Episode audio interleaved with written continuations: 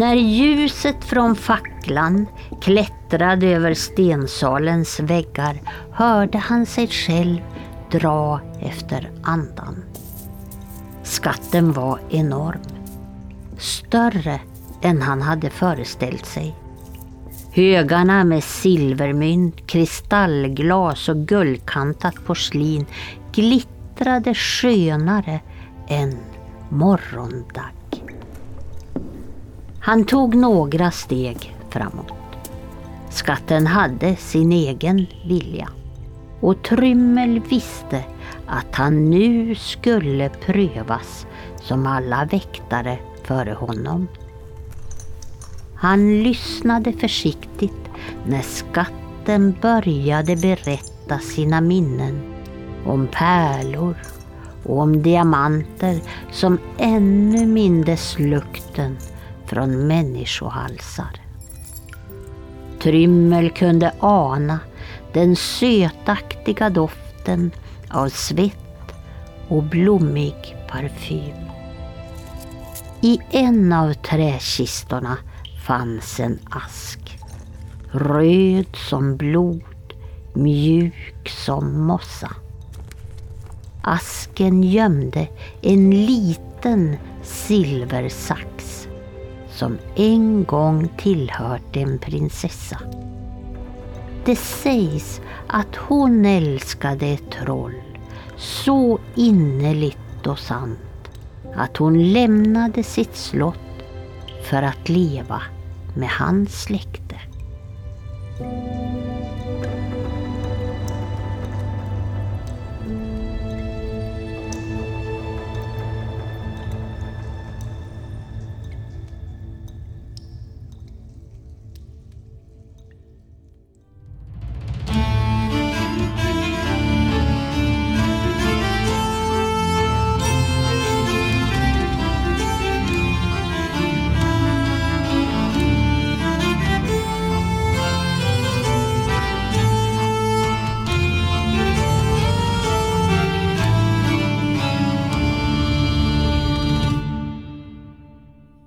Hej och välkommen till När man talar om trollen, en eh, podcast där vi pratar om folktro, traditioner och mytologi. Med eh, mig, Lars Wahlström ifrån Oknytt och som vanligt eh, våran fantastiska expert Tommy Kosela som är doktor i religionshistoria. Hej Tommy! Tjena Lars!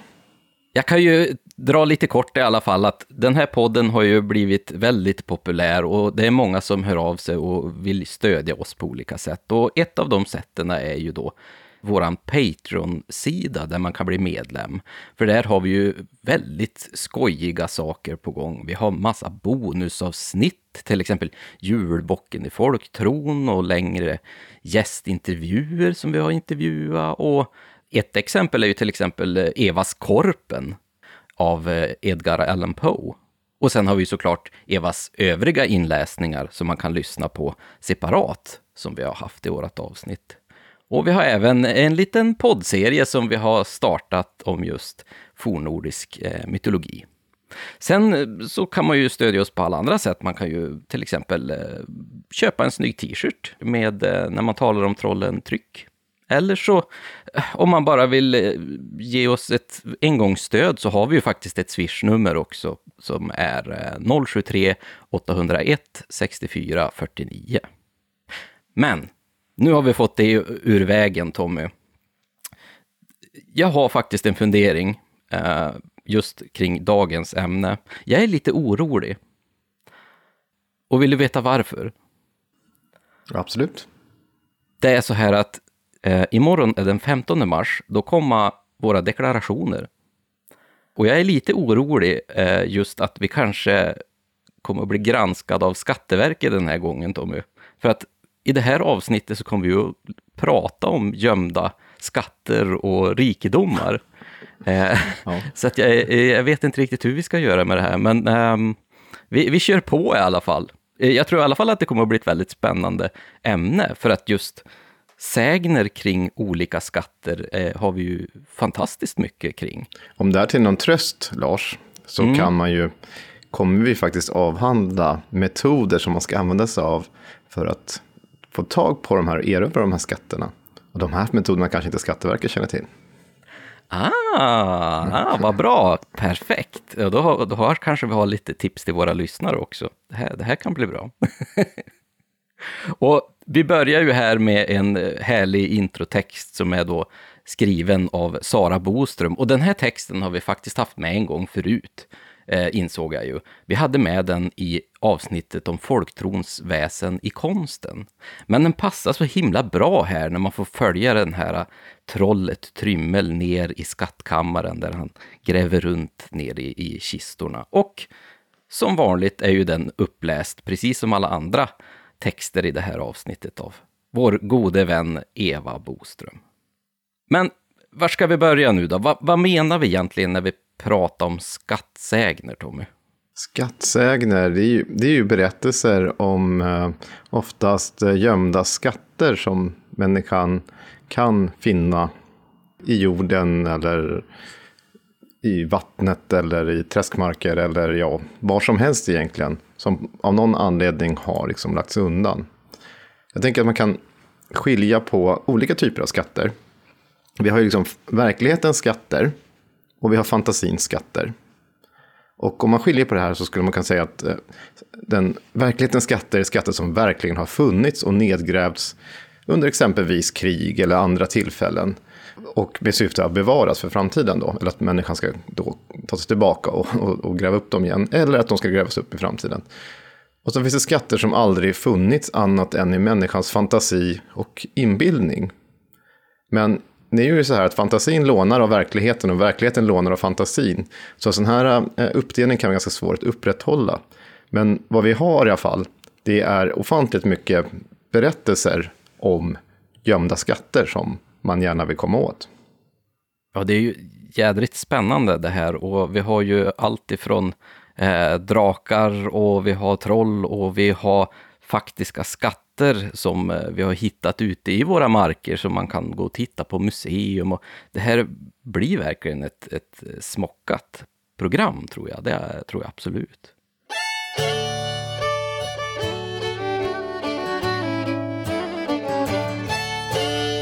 Min farmor, hon berättade om en guvernant på slottet som begärt och erhållit tillåtelse att titta igenom slottsarkivet på sin lediga tid. Och då ska hon ha funnit en korrespondens rörande en nedgrävd krigskassa. När månen strålar ett bestämt datum och klockslag kastade träden skugga mot en bestämt angiven punkt på marken. Då visste man vad man skulle gräva för att hitta den skatten. Guvernanten invigde en smed i hemligheterna. Men träden hade ju förstås växt under århundradens lopp och arbetet måste ju göras om nätterna så svårigheterna att hitta skatten blev stora. Men segern blev större, för de fann skatten till sist. Smeden och guvernanten de gifte sig med varandra och köpte ett eget slott i ett annat land. Och först på dödsbädden då blev hemligheten röjd.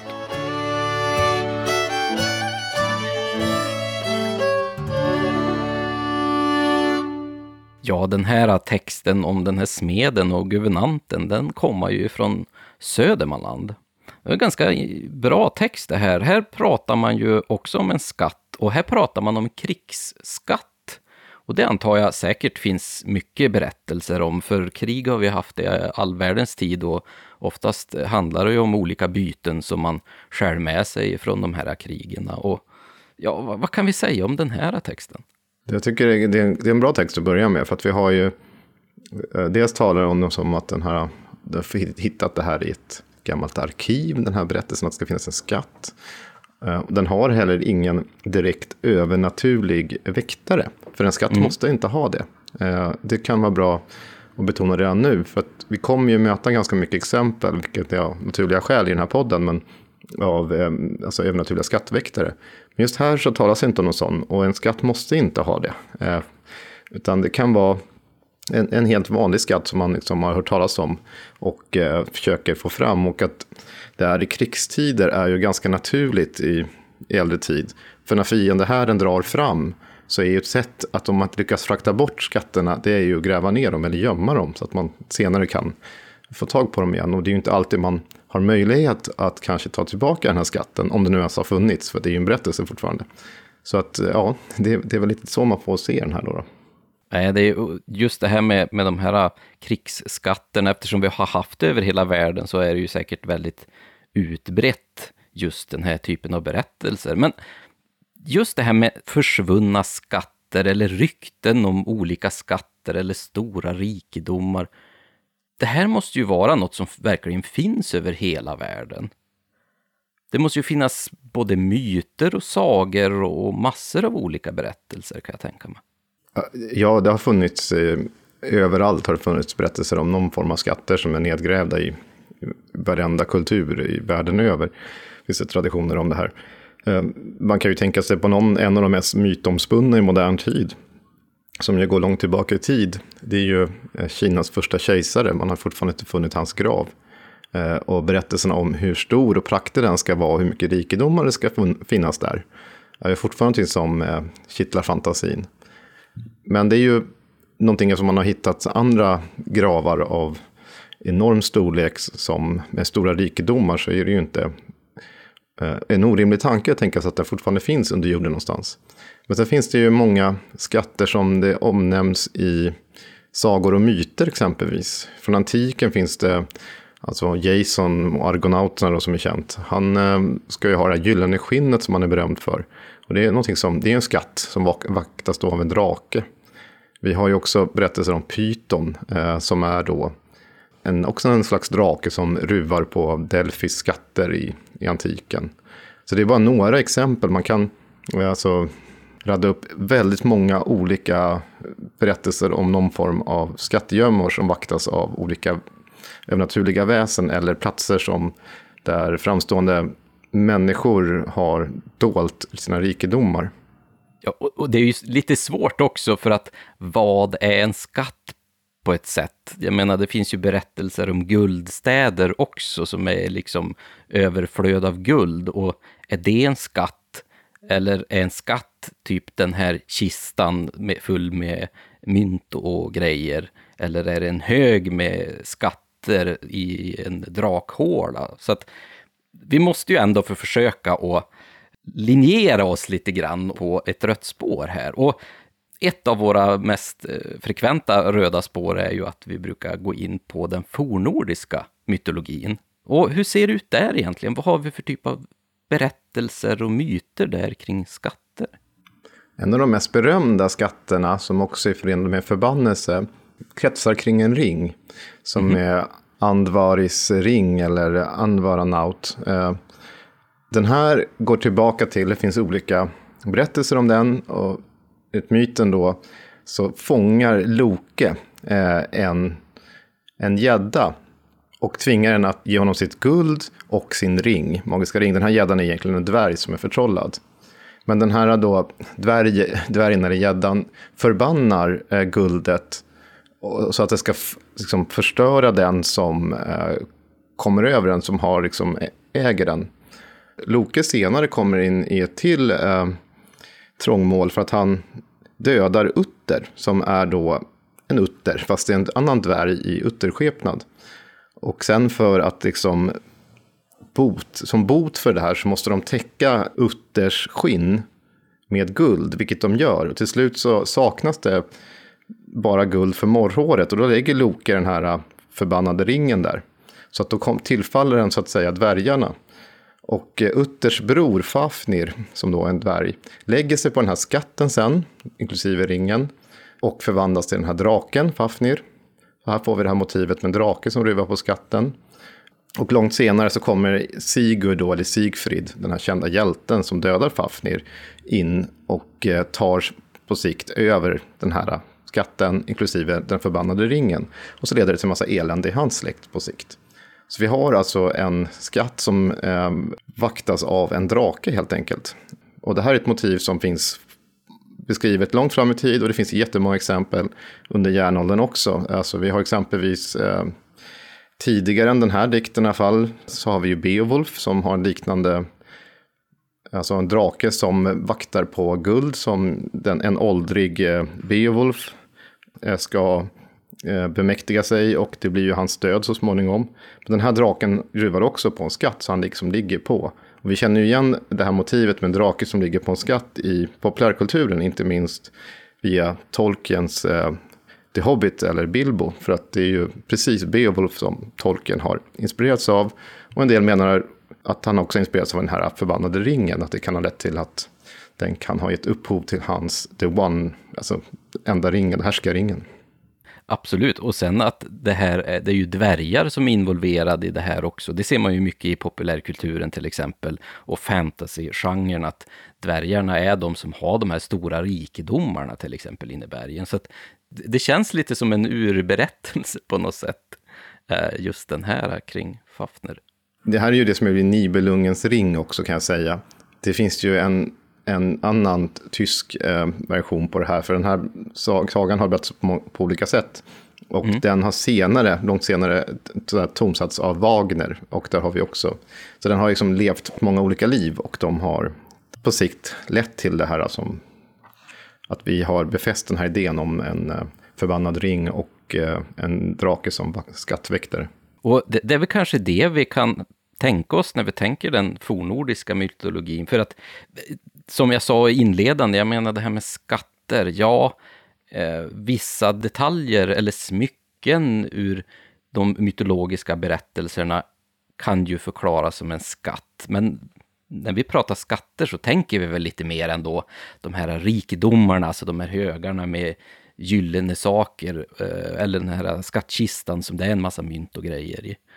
Och det här är ju kanske en av de mest frekventa berättelserna som, som är kopplad till just det.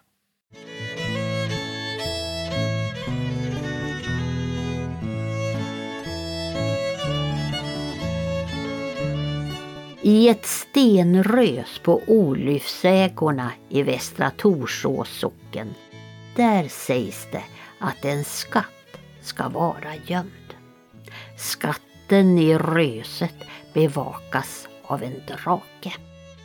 Ibland kunde det hända att draken tog fram sina dyrbarheter i solskenet bara för att få njuta lite av guldsynen. En kvinna lär en gång ha kommit dit vid ett sådant tillfälle. Då hon såg skatterna glänsa i solskenet så skyndade hon sig fram för att ta något. Men eftersom kvinnan inte hade något stålföremål att kasta bland skatterna så lyckades draken rädda sin skatt med undantag av några mindre smycken som kvinnan tog. Ibland under mörka nätter kan man få se den draken. Då far han upp i rymden som en brinnande kvast.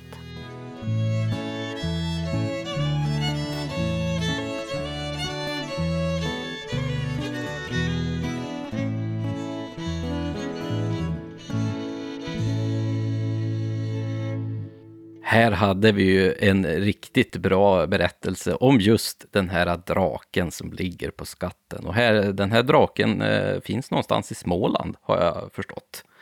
Och vi ska ju faktiskt göra ett stort avsnitt om drakar. Jag vet att jättemånga har frågat oss, ska ni prata om drakar någon gång? Jo, det ska vi göra. Men just här så kan vi i alla fall fokusera just på att de är de här äh, väktarna över olika skatter. De brukar ju oftast bete sig lite speciellt också. De verkar ju liksom väldigt äh, överbeskyddande över sina skatter också. De vet liksom att minsta lilla krona är där? Eller är det någonting som jag bara har fångat upp ifrån Tolkiens Hobbit-bok? Det Tolkien kallar för Dragon Sickness, alltså dragsjukan. Ja, precis. Ja, nej men det är ju det är ju också i Beowulf så känner ju draken av att eh, det stjäls en bägare av honom. Alltså den här typen av eldsprutande drakar som i folkliga företrädesvärlden tänks eh, ruva på skatter finns ju faktiskt över större delen av landet. Det här exemplet var från Småland, men det finns ju exempel från, ska jag bara räkna upp några landskap här, men Skåne, Blekinge, Sörmland, Värmland, Dalsland, Öster och Västergötland. I, I Norrland så är det ganska vanlig i Härjedalen, Jämtland, Medelpad, eh, Västerbotten. Och sen finns den även på Gotland. Så att det är ju, den är väldigt spridd över hela landet. Om vi liksom har från Skåne i söder upp till eh, Västerbotten så är det ju ganska långt. Och sen även lägg till Gotland där österut. Så har vi verkligen nästan, nästan över hela landet eh, berättelser om eh, eldsprutande skattväktare, alltså i drakform. Mm -hmm. Är det, när, när, man tänker just det där, som du säger, eldsprutande skattväktare i drakform, alltså när man tänker drakarna, är det oftast i samband med skattsägner som de dyker upp inom de här trosföreställningarna? Ja, drakar så som vi kanske tänker, nu ska vi som sagt göra ett avsnitt om drakar. Mm. Vi har ju haft ett avsnitt om ormar tidigare, och då ormar och drakar glider, slingrar in i varandra så att säga. Det är svårt i, i, vissa fall att skilja dem åt. Men här har vi flygande drakar ibland som, som kan flyga upp i himlavalvet som eldkvastar och sånt där. Så att eh, det, det, är en annan typ. Men samtidigt så är det inte den här typen alltid som kanske Beowulf eller ens Sigurd möter. För det behöver inte vara så stora. Man kan ju egentligen säga, och det gäller även andra kulturer, alltså desto större skatten är, desto större är skatteväktaren, desto farligare.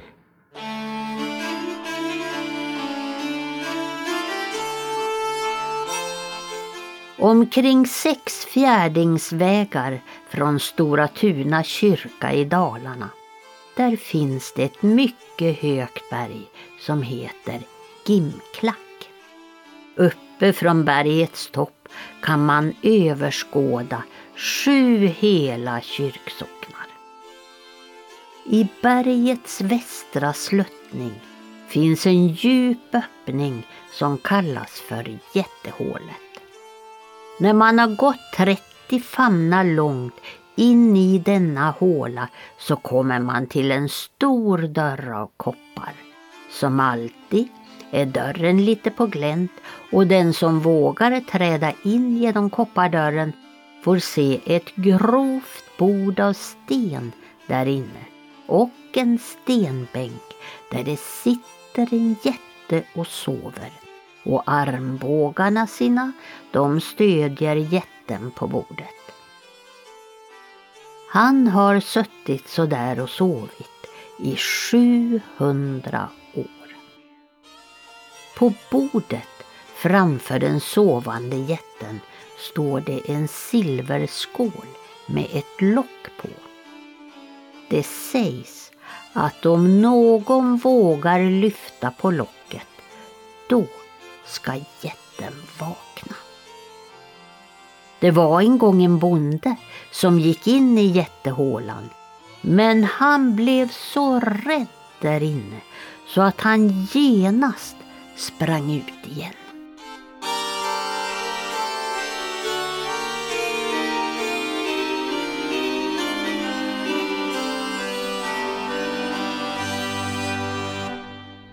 Här hade vi ju en jätteskatt som var skyddad av en jätte i Dalarna. Och det var inte så vanligt, eller är, är det vanligt att jättarna också skydda de här typer av skatter? Den, den typen finns faktiskt också ganska spridd i landet. Det, skattväktare kanske inte oftast är just jättar. Och inte alltid drakar heller. Vi kommer att höra om andra som nästan är vanligare men det här är en sägentyp som finns beskriven över många delar av landet. Dess huvudinnehåll kan sammanfattas typ att det är en kung, en gubbe eller jätte eller troll som bor i ett berg eller slott på en obebodd ö långt borta. Gubben sover i berget och ska uppvakna en gång då landet är i fara, en ganska vanlig sån här. Han är allmänhet välvillig mot människorna, betalar deras eh, säd bra, ger dem skatter som belöning eller också framgång och lycka, alltså rikedom. Han har också en hel mängd sovande riddare, vilka eh, brukar sova med honom tills den rätta tiden kommer då deras hjälp behövs. Det är en variant som finns. Det har ibland kallats för Holger Dansk eftersom det finns flera av den här typen, inte minst i Danmark då. Men jag tänker också på en jätte som ligger och sover, som är alldeles förstenad, finns ju också Saxo Grammaticus, också dans då från 1200-talet. Där vi har, vi har också en person som kommer in i en, i en liksom hall där en jätte sitter förstenad. Och inte, ja, han är i och för sig död där, men det är ju ett, påminner delvis om den synen man får när man kommer in där.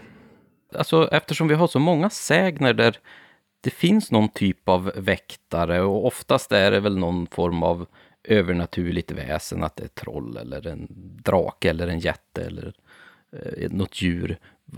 Varför är det så vanligt att det finns en väktare vid de här skatterna?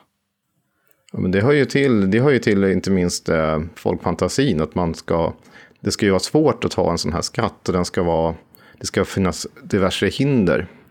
I vår tid kanske vi, inte minst via filmer som Indiana Jones och annars tänker oss att skatterna istället skyddas av olika livsfarliga fällor som då ska vara gångbara efter tusen år. Men här är det istället då olika typer av väsen. Eller, ja det blir också som ett väsen, dess ursprungliga ägare som fortfarande vaktar över den. De här väktarna kan ha, helt, kan ha väldigt olika former. Det, vi har ju hört nu om drakar, vi har hört om en jätte. Men det finns också vanligt att det kan vara gastar eller olika djur eller troll eller till och med rådare eller andra, andra väsen som då ska vakta över över eh, skatten.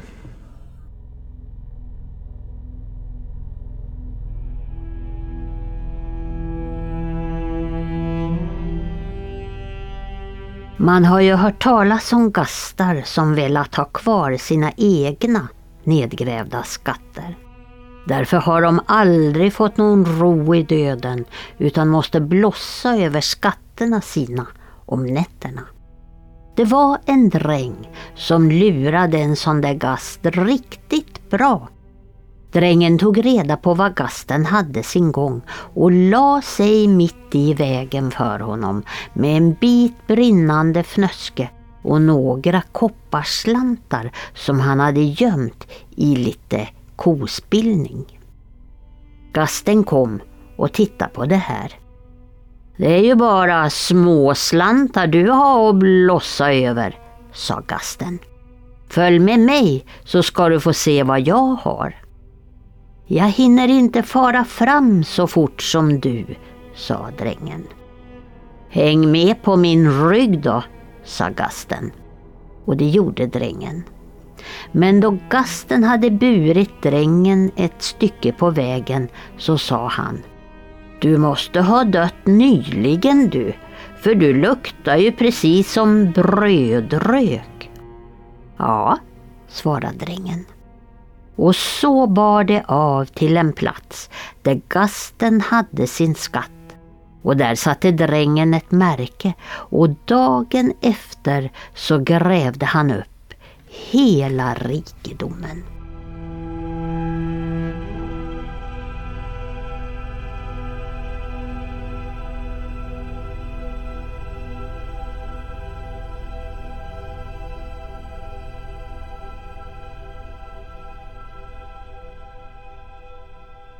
Alltså den här tycker jag är lite rolig ändå Tommy. Den här äh, med, med den här gasten och, och skatten och den här människan.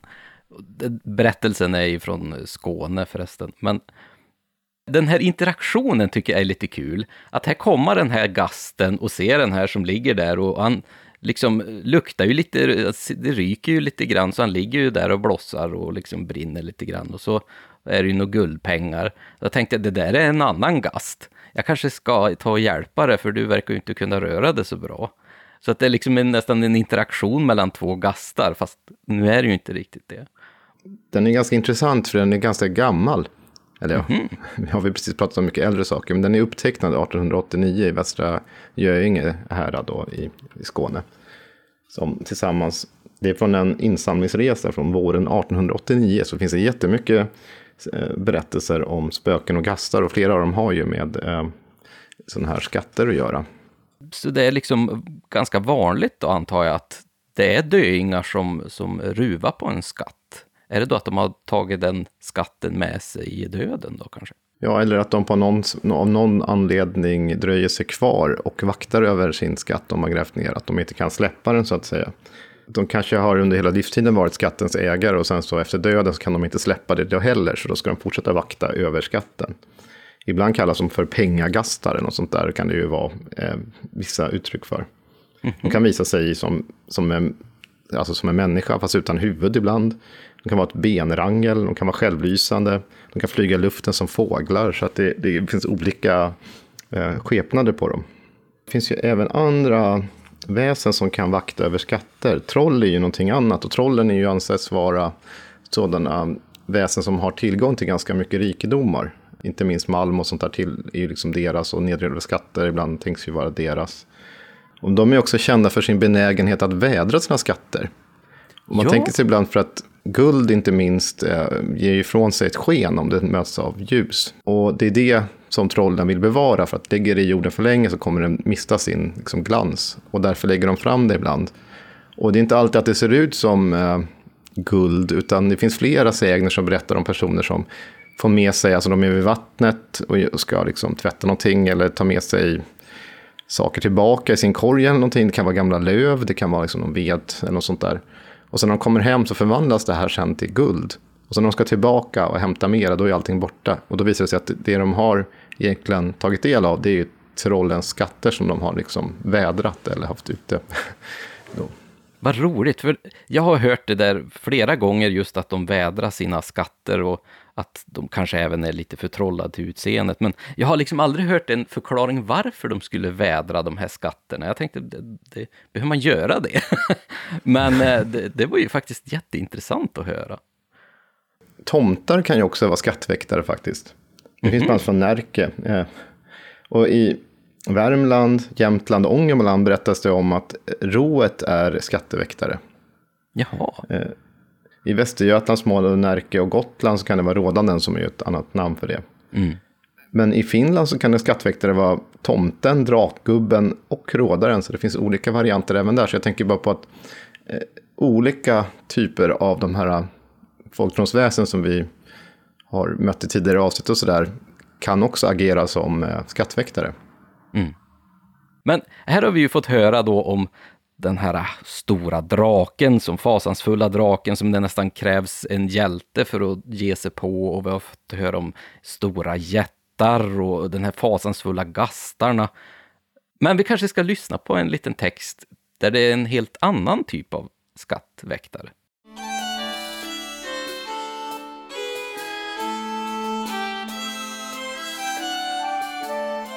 Det var ett ställe där det ibland lyste på nätterna och det var två karar som tog sig för att gräva där en kväll.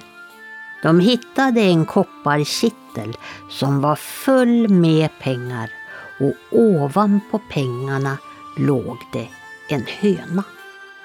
Folk hade sagt att man måste lyfta på hönan och då kunde man ta en del av pengarna men också låta hönan behålla en del. De gjorde så och sen gick de hemåt med pengarna.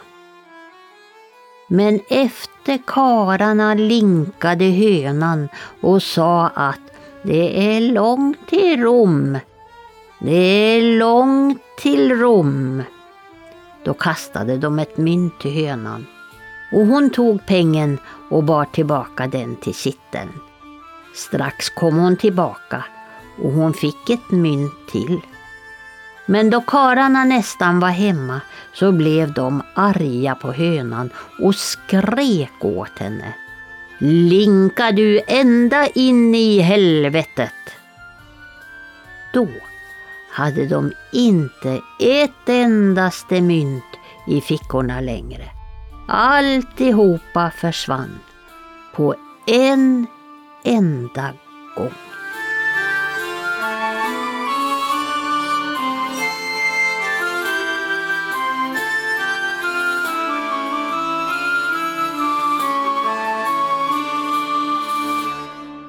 Det, det är ju en stor skillnad på ett, en drake och en höna.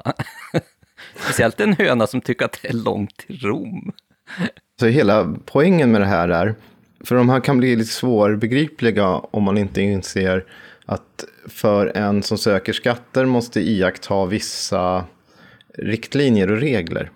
Mm. Och vad den här hönan gör i det här fallet, att den försöker förmå personen att bryta de här ritualerna på olika sätt. Men vi, vi kommer väl komma in på det ganska snart. Men hönor är ganska vanliga så. Alltså det finns flera berättelser om just hönor som ligger och ruvar på, eller tuppar som, som ruvar på, eh, på skatter. Oftast är det, sägs det att i vissa fall att det är skatter som en kvinna har nedlagt någon gång i tiden. Som någon slags eh, markering att det är en kvinnlig, Jaha. men vad det nu ska spela för roll. Men det finns vissa sådana beskrivningar. Men ofta är de här skatthönorna så helt svarta. Ibland har de bara en enda vit fjäder bland allt det svarta. Och eh, om de flaxar så kan skatten försvinna och andra. Den här typen av höna i Småland, vi pratade om det när vi hade livesändning från Ljungby. Så finns det också beskrivet hos eh, Hyltén-Cavallius. en sån som kallas för, för skåkhöna. Som ju är en särskild skattväktarhöna egentligen.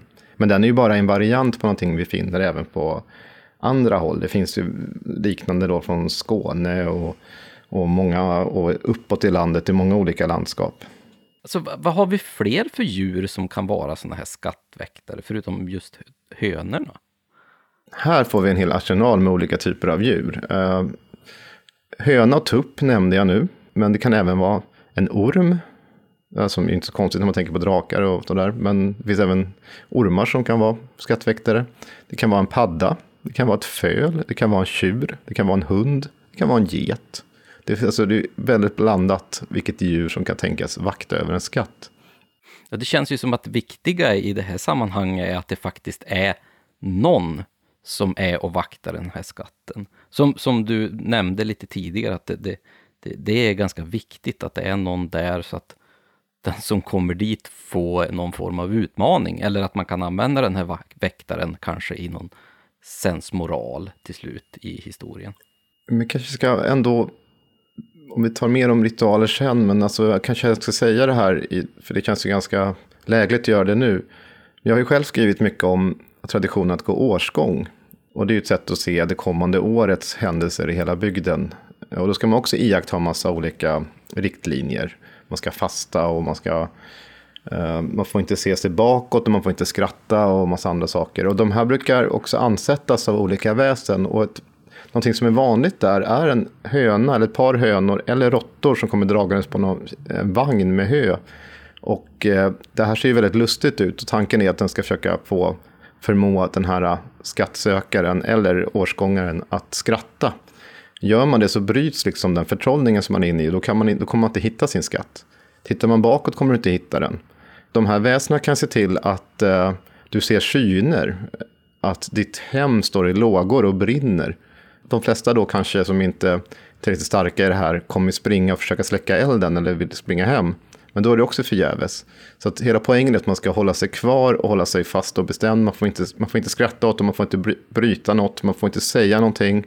Eh, man ska ju gärna vara bara tyst. Och där tror jag att de här grejerna med att de ska gå långt på något ganska fånigt sätt eh, är någonting som man ska reagera över och säga någonting. Man ska liksom svara dem. Eh, många lockas ju i en del sägner och gör det och då bryts ju hela den här eh, rollen, då, eller den här magin som skattsökaren är inne i. Hur ser det egentligen ut i arkiven? Du jobbar ju själv på arkivet. Just de här typerna av sägner och berättelser om skatter är väldigt vanligt när man tittar på det- stora materialet. Det finns ganska mycket eh, berättelser om skatter eh, i, beskrivna i arkiven. De är, dels kan man ju söka på just det ämnet i sig och sen finns det ibland så, liksom skapas det ju berättelser om speciella föremål, eh, gömmor och annat som ju också blir som slags skattsägner med tiden. Så jag skulle absolut säga att det, det, är inte, det är inte det vanligaste som finns beskrivet i arkiven såklart, men det är ju inte, inte särskilt ovanligt heller. Hur kan det komma sig att vi har så många berättelser om just de här typerna av skatter? Att det finns liksom de här gömda rikedomarna eller att man har chansen att hitta något guldföremål liksom ute i, i naturen? man har ju hittat skatter i, i naturen så att säga. Så att eh, och det finns ju alltså, skepp som har förlist med skatter. Det finns ju vagnar som kanske har sjunkit ner i en sjö. Eller det finns ju rånare och sånt där som har kanske gömt undan skatter. Det finns människor som har grävt ner skatter för att säkra dem. Eh, och personer har hittat det här. Och det, i vissa fall kan det ju gå väldigt långt tillbaka så att man hittar en skatt från romersk järnålder i, säg på 1800-talet, alltså en tusenårig gammal skatt. Och sådana här skatter kommer ju igen i modern tid, Eh, alltså uppdagas då och då. Så att allt det här, så det finns ju en verklighetsbakgrund till att, att man, alltså det finns någonting man kan bygga de här berättelserna på. Så att människor har hittat skatter och så finns alltid den här drömmen om, naturligtvis om att eh, få en snabb belöning genom att man hittar en stor skattgömma så blir man ju rik. Och sen kan den också förklara personer som har fått framgång plötsligt att ja, men de har kanske, då finns det en eh, lokalsägen om, om skatter, då kan man ju kanske koppla ihop detta, att det är en förklaring som att till, till deras rikedomar. Eller att de har fått hjälp av några övernaturliga väsen och fått del av deras skatter. Ja, det är ju inte så konstigt känns det ju som, för att när vi går på våra museum så, så, kan vi ju se att det finns ganska värdefulla föremål som ligger där och glimmar och jag menar de måste ju ha kommit någonstans ifrån. Eh, och det är ju från vår egen mark. Eh, så att det har ju verkligen legat mycket rikedomar i våra marker under väldigt lång tid. Och just det här tyckte vi var så himla intressant, för vi pratar så mycket om berättelserna här. Men kanske vi ska kika lite grann på de verkliga fynd som vi har gjort här uppe i Norden. Så att vi gjorde en kontakt med Kent Andersson som är doktor och docent i arkeologi vid Uppsala universitet om just det här. Vilka olika typer av föremål och liksom guldskatter har vi hittat här i Norden och vad har det egentligen för betydelse för oss? Och vi kan eh, redan här eh, passa på att vi hade lite knaggligt ljud just i början på intervjun, så att ni kanske får ha lite överseende med just det.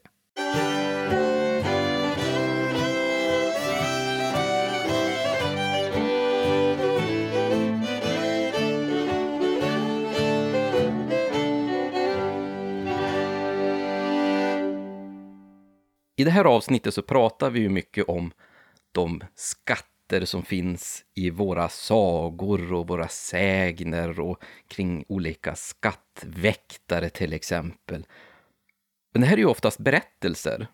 Men vi har ju faktiskt faktiska skatter och, och stora fynd som har gjorts här i vårt eget land, här i våra marker.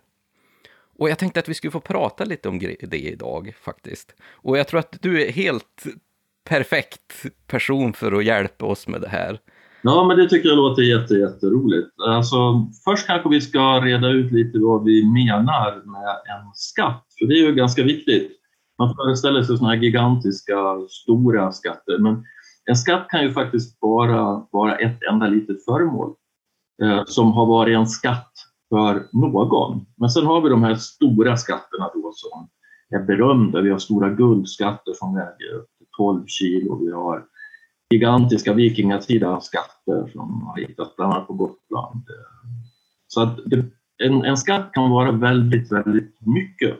Eh, och det intressanta, det som du är ute efter då lite, är kopplingen till såna här berättelser och traditioner. det finns en skatt som faktiskt är Nordens största bevarade forntida guldskatt.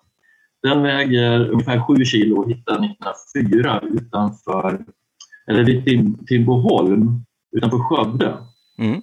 Och det intressanta med den skatten är då att när de skulle börja gräva på den här platsen, det var två stycken arbetskarlar som skulle ta bort en liten knös, så kom det en gammal kvinna ner från herrgården som låg intill och så sa hon att om ni hittar någonting, om ni hittar lyktgubbarnas skatt, så får ni absolut inte säga någonting, för då kommer det här som ni har hittat att försvinna. Och de drog igång då. Första dagen hittade de ingenting. Andra dagen så hittade en av de här en stor kedja som han trodde var mästing. Men han var snabb då att lämna, stoppa ner den i fickan. Och sen först när de gick därifrån så berättade han för sin arbetskamrat att jag har hittat någonting, titta. Och så gick de till en guldsmed och så fick de det bevisat att det var äkta guld.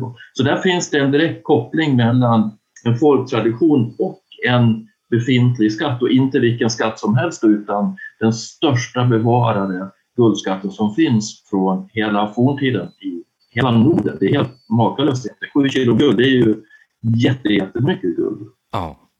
Och visst är det den här skatten som man kan även se på Historiska museet? Ja, idag? den finns utställd i Guldrummet. Och, eh, jag var ju med och jobbade med Guldrummet och mitt bestående minne av just den här skatten är att man nästan får ryggskott när man ska lägga in den i montern, för det, det väger så fruktansvärt mycket. Men det är den största bevarade alltså. Sen har vi allting ner till ett enstaka mynt eller en guldhalskrage eller något liknande. De är ju väldigt speciella också.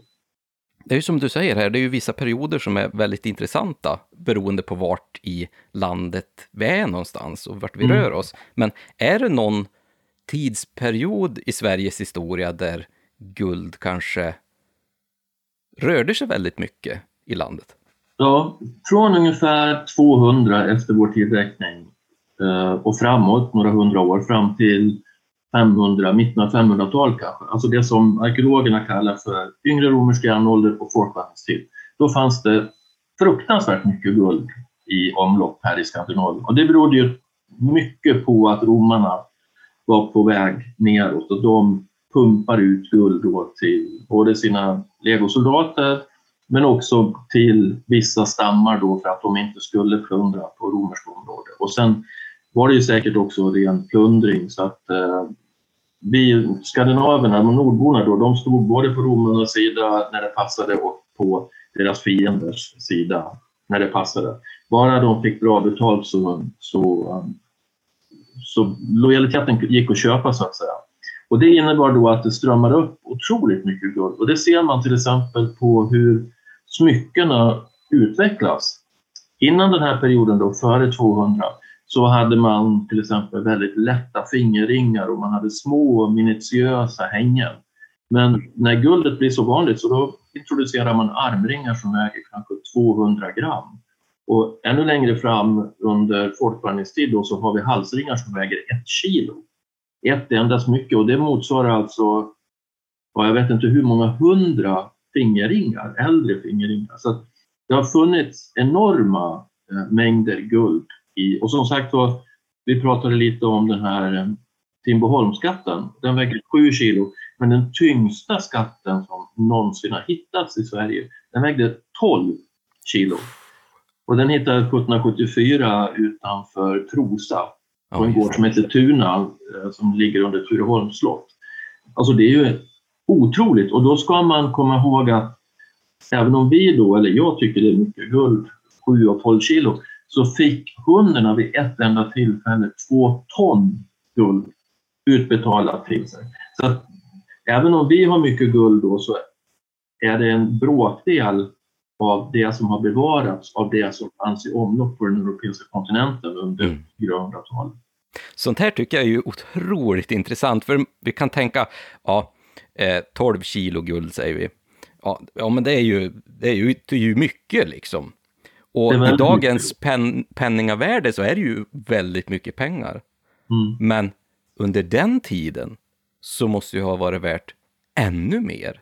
Nej, men jag skulle säga så här tvärsom. Jag skulle säga att det fanns så mycket guld under folkvandringstiden att det blev, nästan blev inflation på guld. Alltså, guld, I och med att det var så mycket så var det inte lika värdefullt. Det var så lätt att komma över. Mm. Så jag skulle säga att jag tror att guldpriset, även om man inte kan prata om ett sånt då, men jag tror att det har gått, det gick ner när det kom så här mycket guld. För att plötsligt så visste man inte vad man skulle göra. Det finns faktiskt ett, men det finns ett jätteintressant fynd på Öland, Skedemosse, som är ett av de stora vapenofferfynden. Alltså där man har besegrat, eh, där man har offrat besegrade fienders vapenutrustning helt och hållet. Men där har man också offrat 1,3 kilo guld vid ett tillfälle. Eh, och det kan ha gjorts då av jättemånga olika orsaker. De var nytillverkade när de offrade, så förmodligen är det en guldsmed som har gjort allihopa. Och det kan ha gjorts då av ändra för att man tyckte att man ville visa gudarna något speciellt bevåg naturligtvis offra sig mycket. Men det kan också bero på att om man tog ur 1,3 kilo guld ur cirkulation på Öland vid den här tiden på 200-talet, då steg priset på det guld som var kvar. Eh, så det kan ligga väl många konstiga orsaker bakom en sån här storstilad gest och att man offrar. Jag menar, tänk att stå där och kasta ut de här ja. guldringarna och hela Öland står samlat runt den här sjön då. Alla vet att den här killen har gjort det här eller de här personerna har gjort det här. De måste ha fått otrolig prestige, men samtidigt så då ökar de sin egen förmögenhet. De här skatterna som vi har hittat, är det mest offerskatter då, eller är det till exempel att det är hövdingar som har kanske grävt ner sina skatter i jorden? Eller? Alltså det finns ju flera olika förklaringar. En del av de, de guldfynd som man gör i vatten, de brukar man i allmänhet förklara som att det är offerfynd.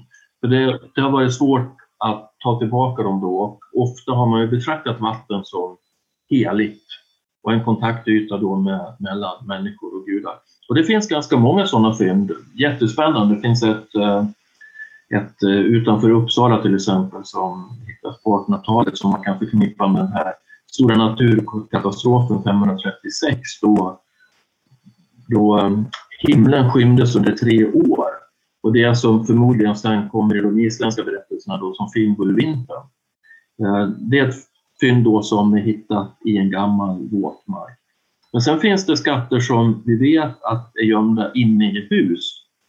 Så att man har hittat eh, dem i det som är gamla bosättningar. Alltså. Och de är ju rena skatter.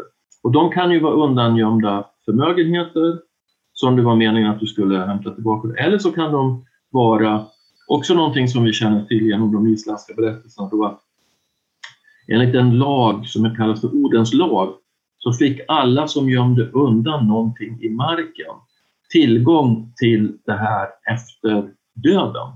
Ja, precis. Så det innebär att det var en form av, vad ska man säga, postum pensionsförsäkring. Mm. Så det kan också vara en förklaring till att vissa skatter är undangömda. Sen är ju den traditionella förklaringen att det beror på orostider. Att man menar att man har gömt undan skatterna när det har varit ofärdstider och krig har hotat och så vidare. Så det, och det kan ju också vara en bidragande orsak. De här skatterna som vi har hittat är ju så himla fascinerande, för när man tittar i de här sägnerna och de här myterna vi har och de berättelserna vi har, så är det ju nästan som en längtan eller en, en önskan om att man ska gå ut i skogen och man hittar hitta de här stora skatterna som är nedgrävda i jorden eller att man kommer in i en grotta och där finns en jättedrakskatt. De här skatterna som vi har hittat här, mm. som vi faktiskt kan ta och se på. Mm. Vart har vi hittat dem egentligen? På vilket sätt har de egentligen kommit till oss? Är det arkeologiska fynd eller är det det intressanta är att mycket av det som är skattfynd, både från vikingatiden, utav silver då och utav guld, mm. det är hittat utav vanliga människor. De har gått och plöjt och sen har de plöjt upp en halsring eller det finns en, eh, en av guldhalskragarna från Öland, från Färjestaden till exempel. Det var en ung dräng som skulle köra ut eh, gödsel. Och så stod han på, eller sten var det förresten, det, var, det finns lite olika uppgifter, gödsel eller sten. Eh, men han stod på flaket och sen såg han någonting och så skrek han till sin kompis. Vad är det för skit som ligger där? Och sen hoppade han ner och så försökte han rycka upp guldhönskragen och det fick han inte upp så de tog en sten och bängde till den. Vilket man ser märken av fortfarande idag. Och sen först när en tredje person då kom fram så lyckades de få fram det. Så att det mesta, jag skulle kunna tänka mig att kanske 95 procent av skatterna är hittade av icke-arkeologer. Det är väldigt ovanligt att arkeologer hittar guldskatter. Det, kanske finns tre, fyra stycken som arkeologer har hittat, inte fler skulle jag tro. Så det är vanliga människor. Det kan ju också vara en orsak till det här att det finns så mycket traditioner om det. För att det är många drängar och pigor och bönder som har hittat uh, guldföremål och sen har det i sin tur lett fram till att de har kunnat köpa ett eget torp eller något liknande, eller kanske åkt till Amerika. Eller så. Men det finns också många berättelser om att de har hittat fina saker och sen har de inte förstått det. De har hittat en halsring som väger ett kilo till exempel. Och det har de låtit barnen leka med som tunnband. Och de har kastat dem över torpstugorna och sådär. Tills någon har kommit och som sagt att det här är en riktig eh, guldring. Det finns en till och med där man använder en del av ringen till, för att laga en moped in i modern på 1900-talet. Så att de har verkligen olika öden. Ja. ja, men det är ju verkligen den här äh, fantastiska önskan om att man, man helt plötsligt dyker på den här skatten. Mm. Det var, var det inte någon ifrån, eh, visst var det Västergötland tror jag, en kille som var ute och orienterade och hittade den här stora bronsåldern. Ja, precis. precis. Och han trodde ju att det var någonting nytt. Ja. Eh, och det tror man ju om de är så välbevarade som föremålen var i det fallet. Och det finns ju som sagt väldigt många sådana här historier om att vanligt folk har hittat skatterna då och sen har de fått en belöning för man, staten löser ju in den här typen av fynd ofta och då får man en hittelön och sen så metallvärde och så lite mer. Och för många har det där betytt en förändring av livet då. Man har gått från att ha varit dräng eller liknande till att ha blivit eh, bonde eller kanske emigrerat till Amerika. Men en del har också använt det till att bara supa upp pengar. Det finns många sådana berättelser också. Eller de har blivit lurade på pengarna. En av de charmigaste eh, historierna det var en dräng som på 1800-talet hittade en otroligt fin eh, svärdsdetalj i guld med inlagda granater utanför Oj. Upplands Väsby, på Väsby slott. Mm. Han var trädgårdsdräng och så hittade han då den när han var på jobbet. Och han fick, jag vet inte riktigt hur mycket han fick, men några årslöner. Och han drog iväg in till Stockholm och satte sprätt på de där pengarna under ett par veckors tid. Och sen så gick han tillbaka ut till Väsby och fick eh, anställning igen som trädgårdsdräng. Så de, här har, de här skatterna, det är inte så konstigt att det finns så mycket sägner om det tror jag. Vi pratade om att du har hjälpt till att eh, skapa det här eh, fantastiska guldrummet på Historiska mm. museet som jag tror många av våra lyssnare, jag bland annat har ju varit där och, och tittat. Det är ju så fantastiskt roligt att gå där och titta på alla de här otroliga skatterna. Ja. Hur var det egentligen att, att jobba med den här utställningen? Det var helt makalöst.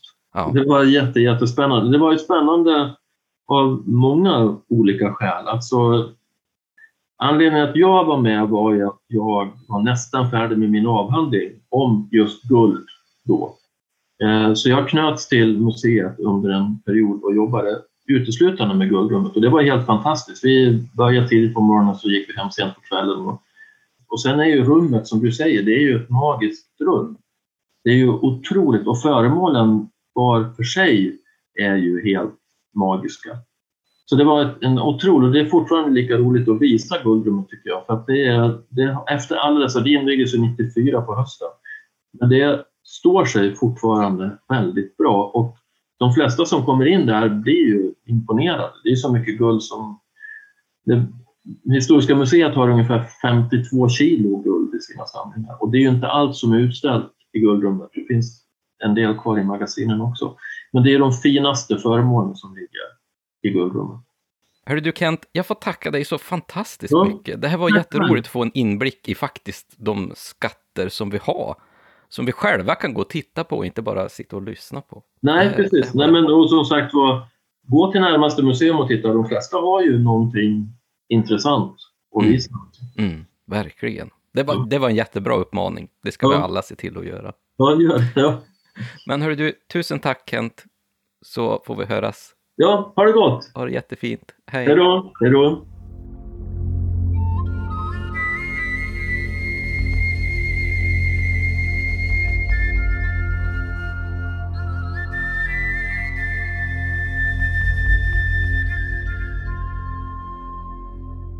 Ja, vi får ju verkligen tacka Kent här. Det var jädrigt intressant. Och det är som vanligt, Tommy, jag säger det varenda intervju vi har. Vi skulle kunna ha ett helt avsnitt. Jag skulle kunna sitta och prata hela dagen. Jag tycker sånt här är så himla roligt. och just det här med att få lära sig mer om just de här guldfynden vi har hittat ute i markerna. Det är ju så himla roligt. Och jag tyckte den här eh, drängen som eh, fick eh, sin belöning för det fynd som han gjorde och så söp bort det i Stockholm, den tycker jag var lite rolig. ja, vi kunde ju inte haft en bättre gäst. Nej, verkligen inte. Men nu har vi ju fått höra lite grann om de fynd som vi har i markerna ska vi ta och titta lite grann på folktrons skatter. Vad är det för typ av skatter? Vi har ju nämnt här olika skattväktare och lite grann om en början på ritualer som man måste genomföra. Vad är det som är lite som typiskt med just de här skatterna i folktron och i de här sägnerna? Så saken är att de behöver inte skilja sig så himla mycket från verklighetens skatter som man har hittat. Det är ju inte så att det är sådana här jättehögar som drakar ligger på eller att det är att det, inte kan, att det måste vara stora skattkistor, utan det kan ju räcka med en kruka fylld med silver eller guldmynt. Alltså, tänk dig en, en bonde på 1800-talet, skulle den så att säga hitta silver eller guld så skulle ju det räcka för, alltså det är en förmögenhet. Man får nog tänka sig att folktrons skatter, så som de berättas om många gånger, kan rymmas i, i ganska litet format. Alltså det är ju det är vad man kan göra mer dem. alltså de, de står ju för rikedomar helt enkelt.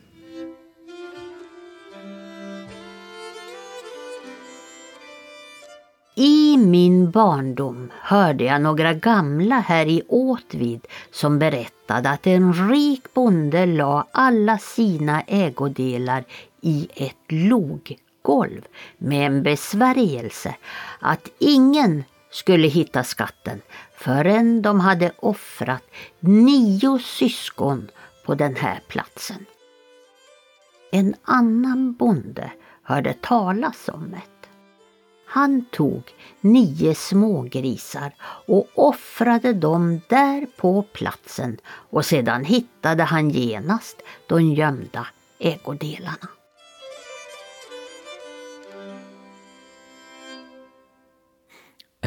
Alltså Tommy, den här, den här texten är ju från Östergötland.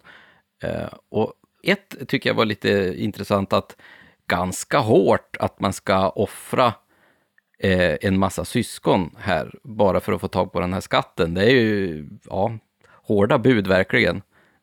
Men uppenbarligen gick ju lika bra med ett par grisar. Men det är nio syskon. Mm. Det, är ju helt den sant. personen som gör Klokt! detta. Eh, Aha! Ja. Aha! Det är ingenting som säger att det är människor, nej. Herregud. Till och med nej. jag gick ju på den där enkla. Det finns, samma berättelse finns också om hönor. Alltså någon som hör en person som eh, en rik bonde som la sina pengar. Det kan vara guld eller silver i en stor kopparkruka. Gick till en lövhög. Rev ett tag i lövet. Satte ner krukan med en besvärjelse att ingen får tag i krukan. Om man ej kör här med ett par hönor. Alltså, det här är inte ett mm. men han säger det i sin... Och då är det en som hör den här besvärjelsen. Går dit, rev i lövet, men hittar inget. Gick efter ett par hönor Uh, gjorde ett order av ett par pinnar, släppte lövhögen, fick krukan på med, på med detsamma. Så att, det är det här att man, att man hör den här uh, hemliga uh, besvärjelsen som då ska göra att man inte egentligen kan hitta att den här är skyddad. Men om man liksom överhör den här trollkaren, så, eller trolldomskunniga, så kan man ta del av skatten ändå. Mm. Ja, och här får vi ju höra här att man, man gräver ner skatten. Här var det ju den här eh, bonden som hade gjort det. Och det är ju någonting som vi fick lära här av Kent också, att det är ju någonting som man faktiskt har gjort en gång i tiden. Man gräver ju ner sina rikedomar, antingen för att det är oroligheter i världen, så att man vill bespara sig att bli eh, rånad. Men här verkar det gå in också i de här sägnerna, att man gräver ner det. Är det också vanligt då att man har någon form av besvärjelse kring de här skatterna? Ja, oftast när man ska nedgräva en skatt så iakttogs det vissa försiktighetsåtgärder. Mm -hmm. Och en besvärjelse är ju ett sådant sätt att, att, att skydda. Liksom. Eh, och den här besvärjelsen kan ju även innehålla någon slags förbannelse och sådant. Att man, man kan bara få upp den om man känner till besvärjelsen men gör man inte det så kommer man antingen inte hitta den eller så kommer man få en förbannelse över sig. Så det är bara olika sätt att skydda den här skatten för att man vill ju hålla den här platsen hemlig och man vill ju inte att någon ska komma dit och ta den av naturliga skäl. Och det, ju, det, går ju direkt in i det som Kent pratade om, för det är ju skatter som har grävts ner i orostider, i krig och om krigslyckan inte går som man vill och då är ett sätt att snabbt kanske gräva ner skatterna i en gömma. Och då tar man gärna till metoder som man kan för att hålla det här så hemligt som möjligt och så svårt som möjligt för någon att finna eller, eller få upp skatten. Någonting som är vanligt eh, när vi pratar ändå om skatter som man faktiskt har gjort är ju till exempel när det blir krig i en stad och en plats i en stad där det finns mycket rikedomar, det är ju kyrkorna. Och bland mm. det första man försöker göra då är ju att skydda de här rikedomarna, så då försöker man ju gömma undan dem. Och jag vet i Härnösand till exempel, där jag brukar jobba, eh, så har man ju gömt det två gånger tror jag. Eh, jag tror att det var en gång när man sänkte ner den i hamnen och så en gång när man eh, släppte ner den i en grav. Så att just i orostider så är det ju så här att man, man vill ju försöka att hålla undan så att man inte blir rånad och bestulen på de rikedomar man har. Det finns ju många exempel. Jag har ett annat exempel från, från Hälsingland här. Mm. Om en skatt.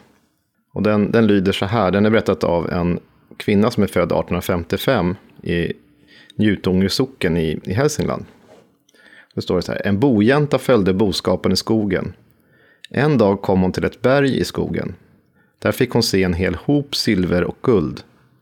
Hon hade aldrig sett så fint förr. Det var svårt att lämna allt det vackra. För att hon skulle hitta tillbaka lämnade hon ullgarnsnystanet och drog tråden med sig. Då hon återvände var allt guld och silver försvunnet. Platsen kallas för Jungfrulund. Hon såg inte ett folk, endast silver och guld. Mor berättade detta, sägs det i den här. Mm. Så att det, här är också något, ett sätt att hon försöker då med en klassisk eh, metod att finna sin väg tillbaka. Men trots detta så går det inte för att det är liksom en magisk plats. Vi känner ju naturligtvis igen det här med eh, tråden ifrån eh, Minotaurus, alltså myten om Minotaurus från antikens Grekland just det här med att besvärja de här skatterna och se till så att ingen kommer åt dem om man inte vet rätt ritual. Då måste det ju finnas olika sätt antagligen då att kunna bryta de här besvärjelserna. Vi fick ju höra en här tidigare, just de här med grisoffren och den här som du läste nyss. Finns mm. det andra sorters ritualer eller sätt man kan komma över de här skatterna? Det, det finns olika metoder. Det skulle man ju iaktta vissa ritualer som att man ska kanske fasta innan och man ska gå tyst och man får inte ta tillbaka och det här med skatt och så som jag nämnde. Eh, det, det är ju ganska vanligt i sådana här skattsägner att man absolut måste följa de här reglerna. Annars kommer man inte lyckas. Men det finns också vissa saker man kan ta till som hjälpmedel. Och ett sätt var, det kanske förknippas mer med vatten, men det finns också sådana som söker efter malmgångar. Och det, det, är sånt man kan leta med hjälp av en slagruta. Inte vilken som helst, utan många gånger ska liksom de här äh, vara speciella för att få tag på sådana här pengeskatter som man sa då. Äh, och då kunde det göras att man kunde tillverka sådana här med hjälp av smidas av kanske sju ångeruddar av yxor och knivar. Och då, ångerudd är då en udd som man har brutit av men sedan ångrat att man gjort detta. Så att det är något speciellt kraftladdat redan där. Och om man, om man gör en sån här slagruta så kan man liksom känna av vart de här skatterna ska finnas, vart, vart det finns. De här kan också vara tillverkade av hassel eller flygrön, inte minst i Sörmland är det vanligt beskrivet. Men det finns också ett sätt att försöka skaffa sig en grodsten eller en onyx eh, som man lagt i en ask. Och om man då hör den här hoppa runt in i asken, ja, men då går man över ett ställe där det ligger en skatt. Så det är en slags eh, metalldetektor då, fast med en, ja, en grodsten. Ja. Och så finns det också en variant, man har en tordyvel som man har lagt i en ask med kvicksilver. Och den ska då slå så hårt i asken när man passerar en malmåder, så det är också en slags eh, magisk eh, metalldetektor då som, som det finns beskrivet. Och sen finns det också beskrivningar av hur man kan se vart en skatt är. Ibland, och det här är ganska känt, att man kan se att det brinner eldar där, inte minst i sumpmarker, i träskmarker så kan det liksom komma små blåa eld brinna. Det är inte jättevanligt, men det finns ju sånt. Och det är ju egentligen är det när sumpgas sipprar upp och blandas kanske med fosforväte eller någonting, då blir det små eldlågor. Eller små flammor. Och det blir det ju på riktigt. Men det här har ju då kopplats i folkfantasin till att det här markerar en plats där det finns skatter. Och det finns många berättelser som berättar just om att det brinner just där skatterna finns. Och det här har förmodligen att göra med att guld och även silver, med att det liksom reflekterar ljuset och det är därför kanske det visar sig på, på ett magiskt sätt på det här viset. De är väldigt fantasirika de här och ganska komplicerade ritualer. Det är väl något som är väldigt typiskt när vi pratar om trolldom, att de är ganska komplicerade. Och som vi sa i början också, att man måste veta oftast exakt ordning eller man måste veta hur man ska bete sig. just när man hamnar i den situationen. Och det är nog inte så lätt, det, det kan jag förstå. Vi har ju faktiskt en text ifrån Skåne när vi ändå har pratat om hur man ska göra för att få tag på en sån här skatt.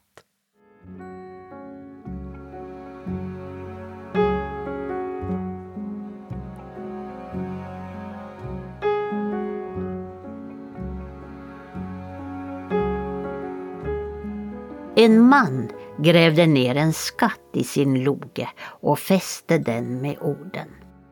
Endast samma hand som nedgräver denna kruka skall kunna upptaga den.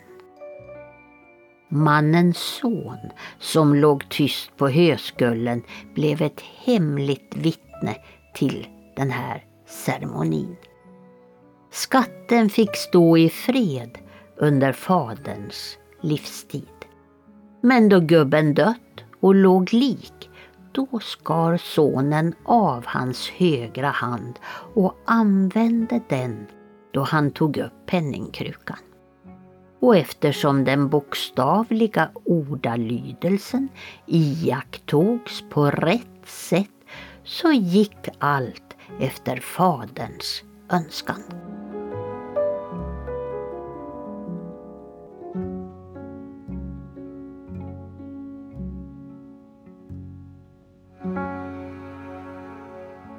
Den här var ju lite grann som de här med grisoffren, att det skulle vara nio syskon och det kunde ju lika gärna vara grissyskon. Och här var det ju så att samma hand som har grävt ner ska kunna ta upp den. Ja, men sonen var ju lite, eh, ja, man kanske ska säga smart ändå. Och bara högg av handen på den döde fadern och peta upp den där kistan och det verkar ju ha funkat. Han följde ju den besvärjelse som var lagd över kistan. Men det är ju mycket så att man ska göra exakt så som det är sagt eh, när man har på magisk väg har försökt skydda skatten med en besvärjelse. Mm. I det här fallet så har ju, som du sa, personen verkligen följt den. Även om man kan tycka det är en morbid väg att gå, att hugga handen och använda sig av den. Men det är ju det, är ju det som besvärjelsen krävde helt enkelt. Och vi har ju hört om flera exempel, vi kommer ju höra fler exempel framöver i det här avsnittet på just olika sätt att få tag på en skatt.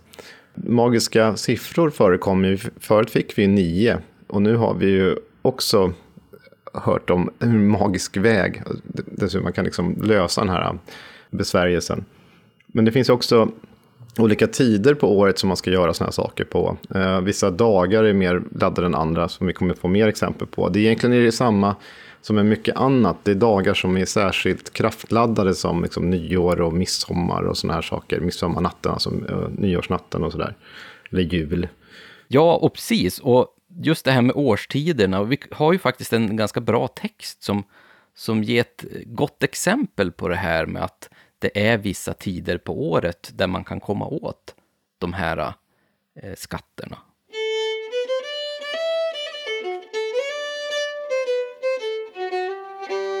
Så var det en jänta som gick till ottan en juldagsmorgon.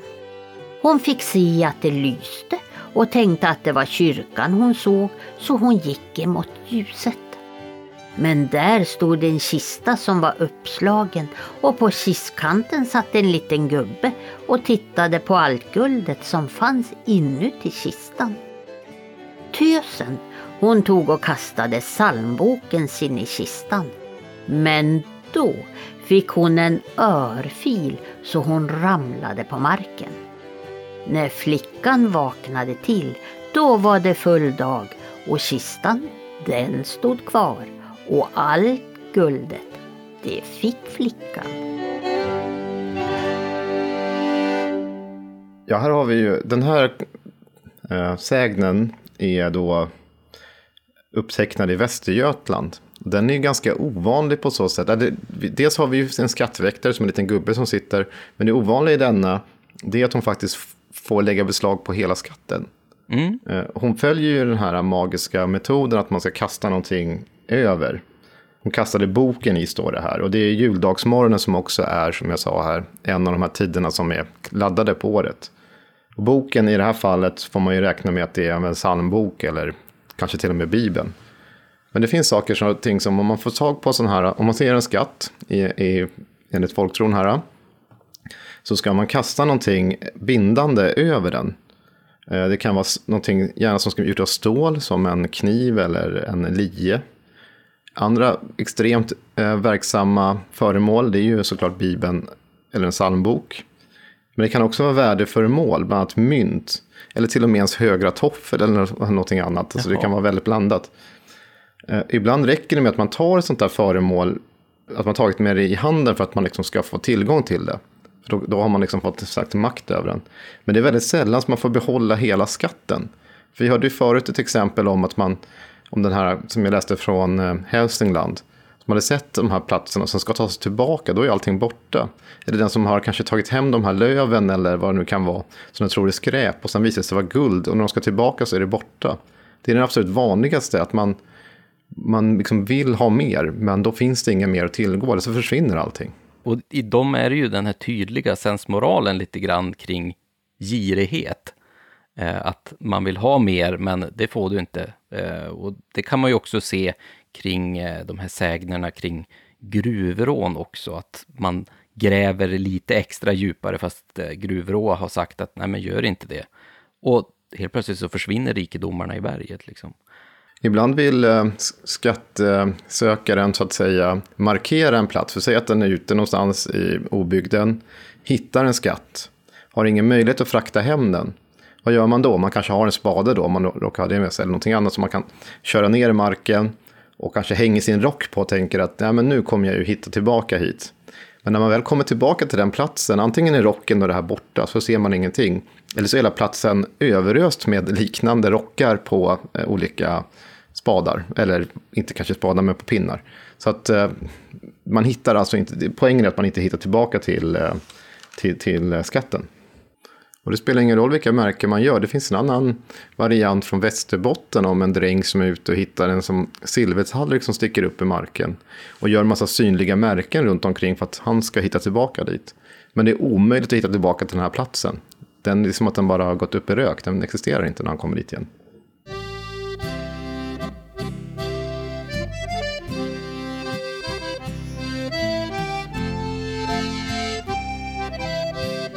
Min morbror har sett många gånger att det lyste så grant vid ett berg i Brämhult. Och många gånger hade han sett att trollen stod och rörde i en kittel som var full med guldpengar.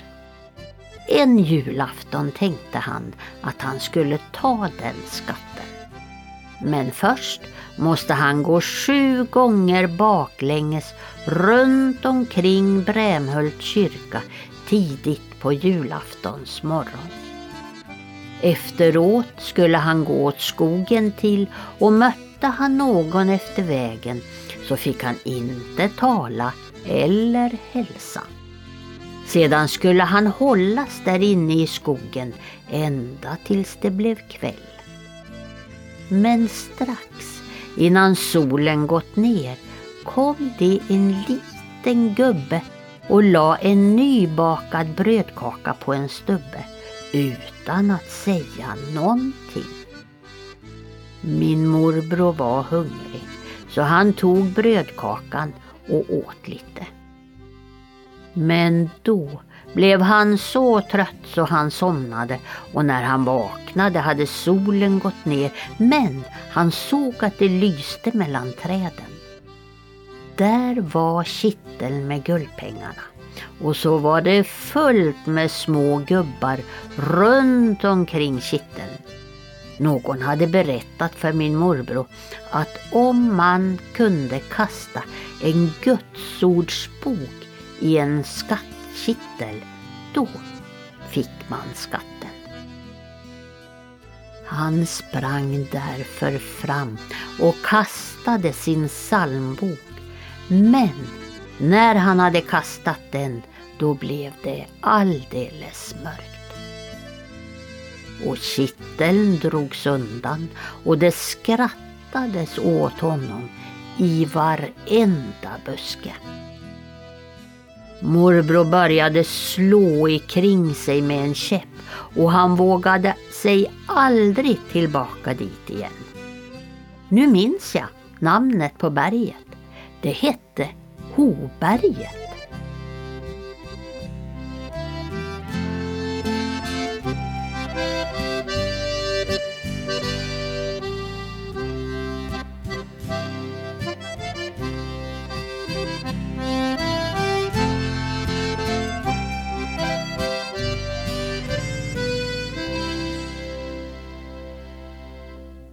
Hoberget även här i Västergötland.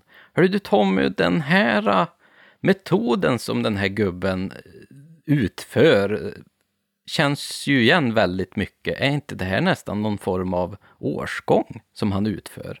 Nej, för syftet är ju annorlunda. Här vill han ju åt en skatt, men eh, metoderna är ju liknande när det gäller hur man ska åtminstone få syn på skatten som man gör för årsgång. Eh, men däremot så gör han ju samma metoder som vi precis har nämnt här, att han kastar en psalmbok och eh, den här kitteln är då bevakad av små gubbar som kan vara troll eller vättare eller någonting annat. Det är ett obestämt väsen helt enkelt i, i, i en grupp här. Men han lyckas ju inte, utan det gick ju dåligt för honom. Trots att han var för sen helt enkelt med att kasta den här boken. I, i en del skattsägner där det finns ett sånt här väktarväsen så ska man oftast göra olika finter och ibland så lyckas man, ibland inte. Det finns en annan variant från Halland som jag kanske ska ta och läsa upp här. Och då sägs det. På sådana ställen där det var något nedgrävt brann det alltid. Ett par hade gett sig av och skulle ta pengar där och då sa en röst i underjorden. Vilken skolom vi ta? Vi ska ta den i den röda västen. Och i helvete sa det då och då slocknade alltihop och försvann. Så här är också återigen hur liksom, man jäckas nästan av de underjordiska. Både där och i den här som vi hörde tidigare så är det ju väldigt tydliga saker. Och jag antar att kan en sak att han misslyckas här vara att han tog ju faktiskt den här brödkakan av den här lilla gubben. Skulle han ha gjort det? Det är ju sällan att man ska ta emot något från övernaturliga väsen han somnade ju av det. Nej, man ska inte ta det. I andra fall så är det ju att äter man någonting som erbjuds. Eller som kanske i det här fallet kanske till och med var, var offrat åt dem. Så, så får man ju straff. Eh, äter man typ, exempelvis av trollens mat så kommer man ju aldrig därifrån. Då blir man ju fast i den andra världen. Så att eh, jo, det kan ju ligga någonting i det. Men jag fastnade för en annan detalj här senare jag läste från Halland. Det var mm. den här röda västen. det finns ju också beskrivet i flera fall. Just att det är det som ett motiv. Och den kan vara ganska hotfull. Det finns någon också med de som gräver i röd väst och då börjar de här övernaturliga väsena bygga en galge bredvid personen. Alltså, Oj då. inse, inse skräcken i att uh, stå och gräva och de håller på att förbereda din, din avrättning bredvid samtidigt. Det kan bara Så, bära ja. åt ett håll eh, lite grann. Det är kanske lika bra ja. att sluta gräva in i den där gropen. Det finns ju olika alltså, finter och ganska många olika viktare som ibland kan vara ganska obestämda. Vi ska mm. nu få höra en sägen som Eva läser upp från eh, Vilhelmina i Lappland. Och den här är berättat av Märta Jakobsson som eh, var 67 år gammal 1925 när hon eh, berättade den här sägnen.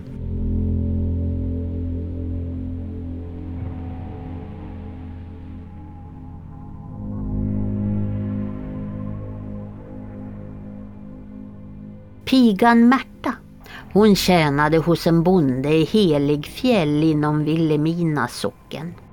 Lönen var så knapp så den ville inte räcka till ens för hennes nödvändigaste inköp.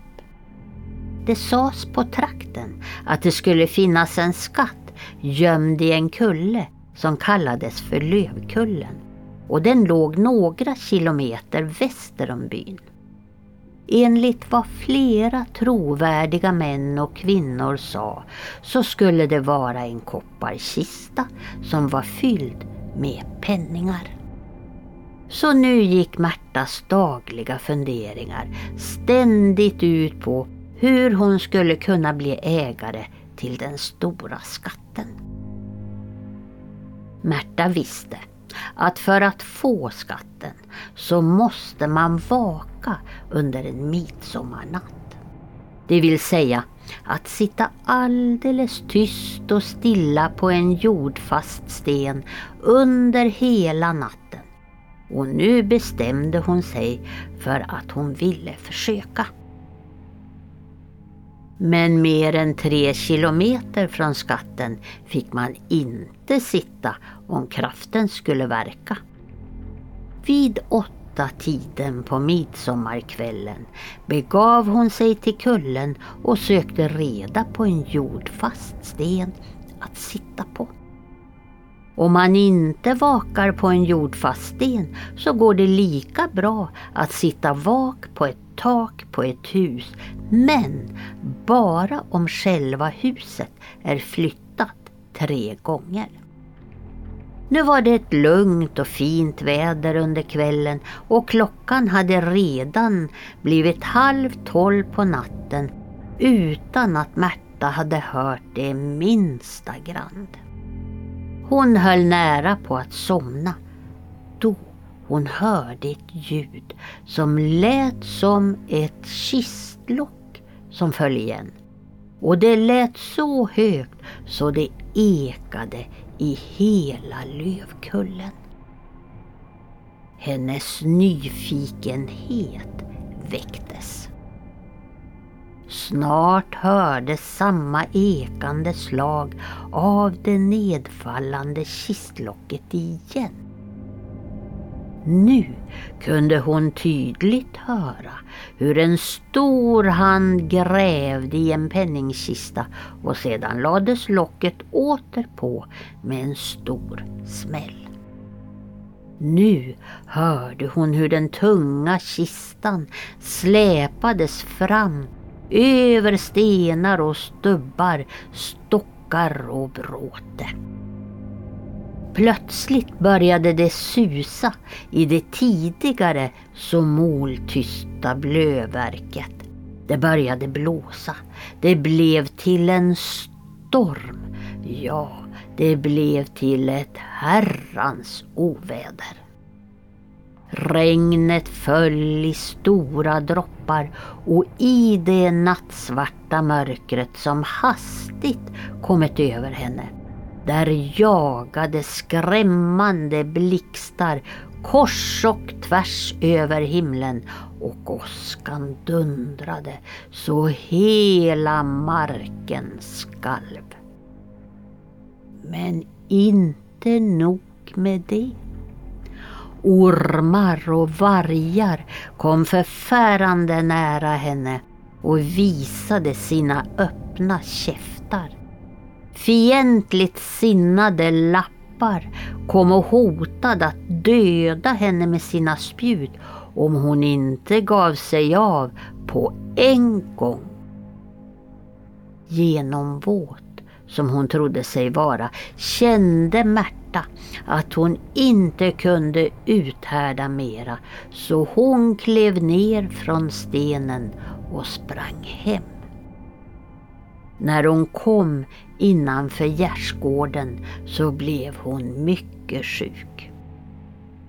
Märta brukade sedan avsluta sin berättelse om den midsommarnatten med orden Jag såg och jag hörde nog mer också.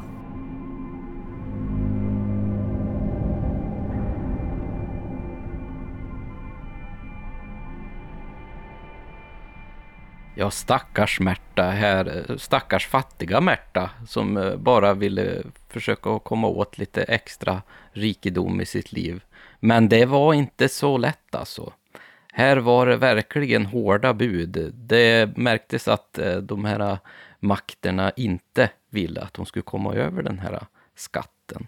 Det var lite intressanta metoder också, att det var viktigt att hon satt på en jord fast sten till exempel. Men sen kunde du ju också sitta uppe på ett tak, vilket var mm. ganska behändligt också. Men då var det ju viktigt att man hade flyttat det här huset tre gånger, så då blev det lite mer komplicerat. Eh, men otroligt spännande berättelse det här.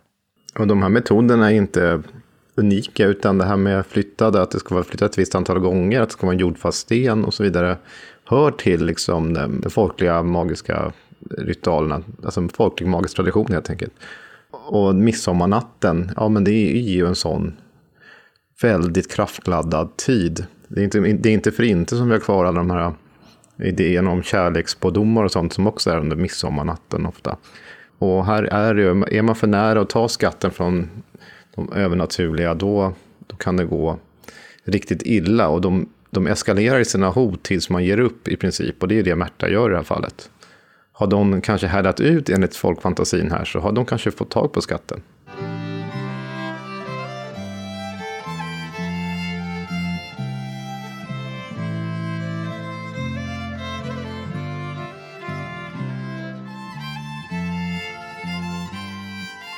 I en dalsänka mellan Pålstorp och en av bergsgårdarna i Vreta klosters socken, där ligger Gullbergshögen.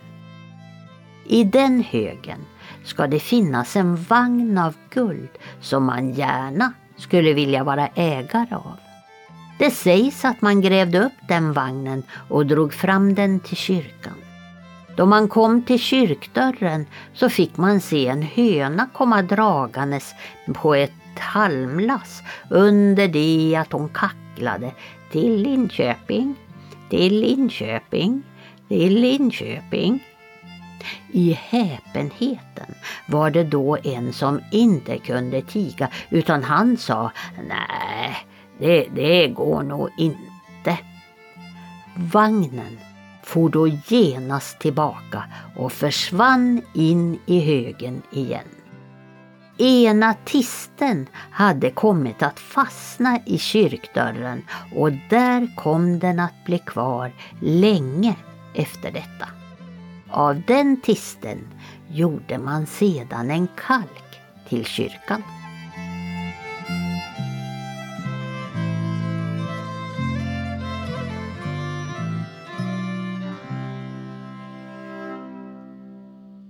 Här hade vi en till sån här äh, höna som äh, vaktar en skatt och den skulle till Linköping. För att äh, den här berättelsen är ju från Östergötland. Men vad gjorde han för fel här, den här personen, då hela vagnen bara försvann iväg? Han gjorde ett fel som vi, vi var inne på förut. Han svarade nämligen. För när hönan kacklade till Linköping till Linköping så blev han ju så häpen så han svarade, ja men det, det går nog icke. Mm. Eh, det går nog inte. Och i detsamma så rullar den här eh, vagnen tillbaka in i högen och eh, blir inte återfunnen. Det intressanta med den här är egentligen vagnen. För nu har vi kommit in på en ny del i skattsägnerna som handlar om eh, guldvagnar eller någon form av eh, skattvagnar som man har talat om i, runt om i bygderna. Det här skrevs om i en jättefin uppsats av Bengt af Klintberg. Och den, den uppsats som han skrev heter Guldvagnen på sjöbottnen. En skattsägen och dess bakgrund. Mm. Och I det här materialet så har han gått igenom alltså 150 stycken sägenuppteckningar om guldvagnar i Sverige. Och eh, ett 60-tal platser har då utpekats som liksom, där det ska ha skett, där det ska finnas guldvagnar. Det är gravhöga berg, mossar, sjöar, åar, havsvikar. Och de flesta är då lokaliserade i den sydligaste ortfästa traditionen är i Ramsåsa på Österlen, den nordligaste i Ål i Dalarna.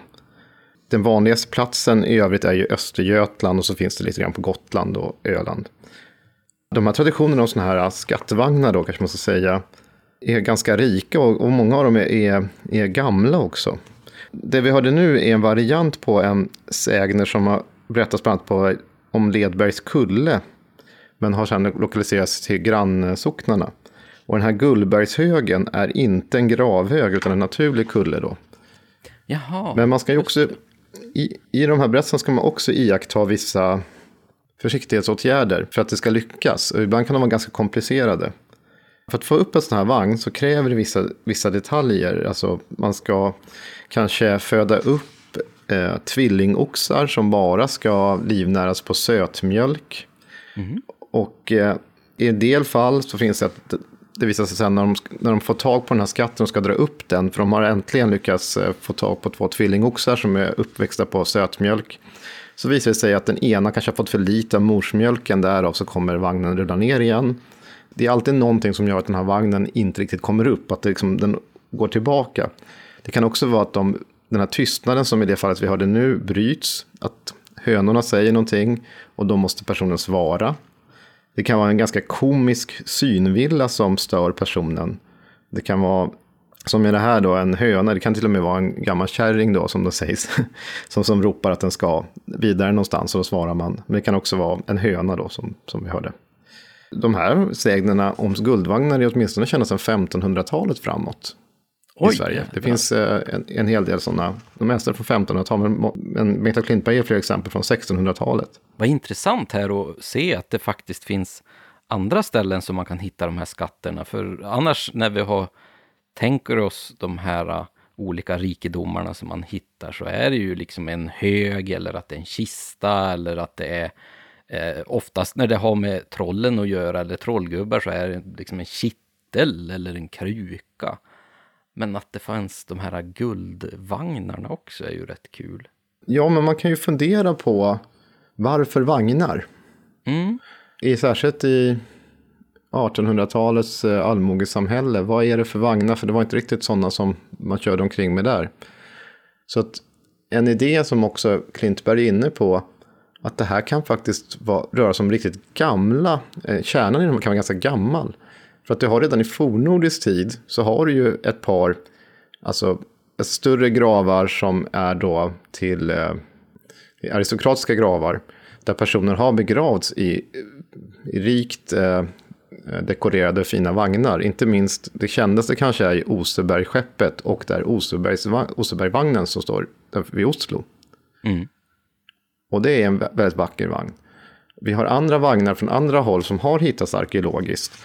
Och frågan är då om inte det här kan vara ett minne, som säger, väldigt långt, alltså gamla folkminnen av de här vagnarna som har liksom levt kvar.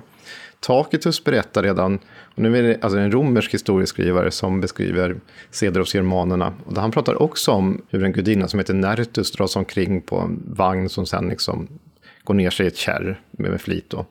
Och här är ju också, det finns flera andra eh, vagnar från kontinenten som har liksom deponerat så att säga i, i marken. Och de här eh, myterna, eller de här sägnerna vi hör då, så är kanske ett eko av detta. Att man har liksom berättelser om vagnar som finns i gravhögar, och finns i, i, nere i vattendrag och annat. Någonting som är väldigt intressant, som också Klintberg nämner, men jag tycker man ska ta upp det här. Det finns en dansk vagn som heter Trundholmsvagnen. Den hittades av en dansk bonde år 1902 eh, vid en plöjning. Han trodde först att det var en trasig leksak eftersom hans plog hade fastnat. Men det visade sig vara ett av de yppersta konstverk som har bevarats från nordisk bronsålder. Och så skriver han så här. På ett vagnsflak med sex bara delvis bevarade hjul står en häst som drar en rund lodrätt skiva på ena sidan klädd med guldbläck. Skulpturen framställer av allt att döma en mytisk häst som drar solen över himlavalvet. Det lilla formatet, hela vagnen är bara 57 cm lång, gör det sannolikt att Trundholmsvagnen är en votivbild som i förminskat format återger en större kultbild. Så att den här vagnen har man alltså hittat den finns kvar. Men nu kommer vi till det som är spännande här. När en dansk, den kanske kändaste folkminnesinsamlaren i Danmark som heter Evald Tang Christensen, han har skrivit mängder med böcker om, eh, med uppteckningar om dansk eh, folktro, så att säga. Eh, väldigt flitig utgivare av berättelser. Han är ett kapitel i sig som är väldigt intressant och, och egentligen, man skulle kunna göra ett helt avsnitt om kristensen. Men han gav ut 1895 så gav han ut del 3 i sin stora samling om danske sagn, alltså danske sägner. Och i del 3 här så innehåller det skattsägner. Och tänk nu att när den här boken kom ut 1895 så låg fortfarande Trundholmsvagnen kvar i Trundholms mosse, så den var inte ens omfunnen än. Och där i, i hans samling så hittar man två stycken sägner som är närområdet som beskriver, alltså, alltså sägner nu, som beskriver guldvagnar i marken. Som man liksom pratar om i de här sägnerna. Och frågan är då, hur många sådana här vagnar har hittats av gravplundrare och, och som vi inte känner till, som har tagits bort? Och är sägnen också liksom ett... Visar inte de på det? Alltså att delvis, alltså att det kan vara... Personer har hittat sådana här, kanske guldvagnar. Det låter ju onekligen otroligt intressant. Vad roligt att vi kan gå från den här eh, hönan som skulle till Linköping och hamna liksom i det här. Det var ju otroligt intressant. Men jag tänker ju, alltså även en liten, alltså som en liten vagn, som i det här fallet, eh, som beskrevs där från Danmark, blir det ju folkfantasin, tänkte tusen år senare, eller ännu mer för oss faktiskt, blir ju naturligtvis förstorad.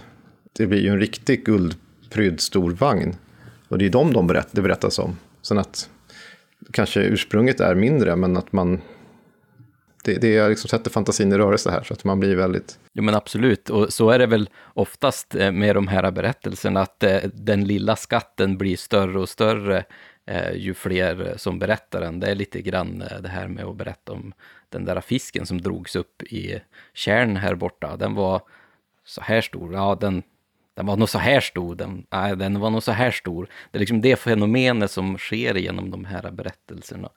Och ja, det är ju intressant att kunna hitta, eller i alla fall försöka och liksom fundera över de här eh, ursprungen till våra sägner. Det är ju jädrigt kul.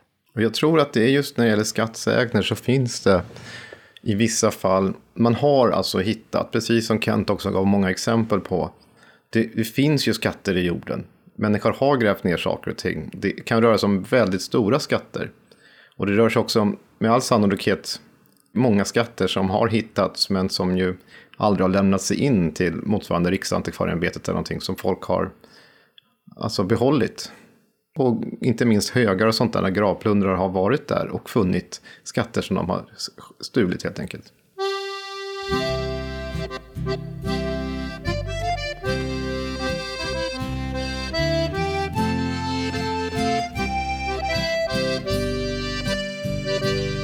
Och skeppet skulle sjunka för dem där i Saxevik utanför jätten Ryd och Grydby.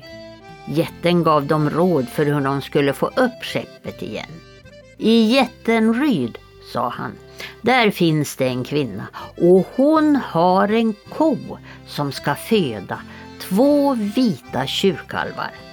Kalvarna ska födas upp i tre år på sötmjölk, lika mycket åt båda kalvarna och sedan så ska de dra upp skeppet. De två tjurkalvarna spändes för och började dra. Till dess att skeppet syntes. Då började några säga Nu får vi upp det med Guds hjälp. Och andra sa Ja, vi får upp det antingen Gud eller den onde vill hjälpa. Då, då föll den ena tjuren på knä och skeppet sjönk igen. Anledningen var att den tjuren inte hade fått lika mycket mjölk som den andra tjuren eftersom kvinnan hon hade sköljt ur byttan med vatten när hon gav honom att dricka.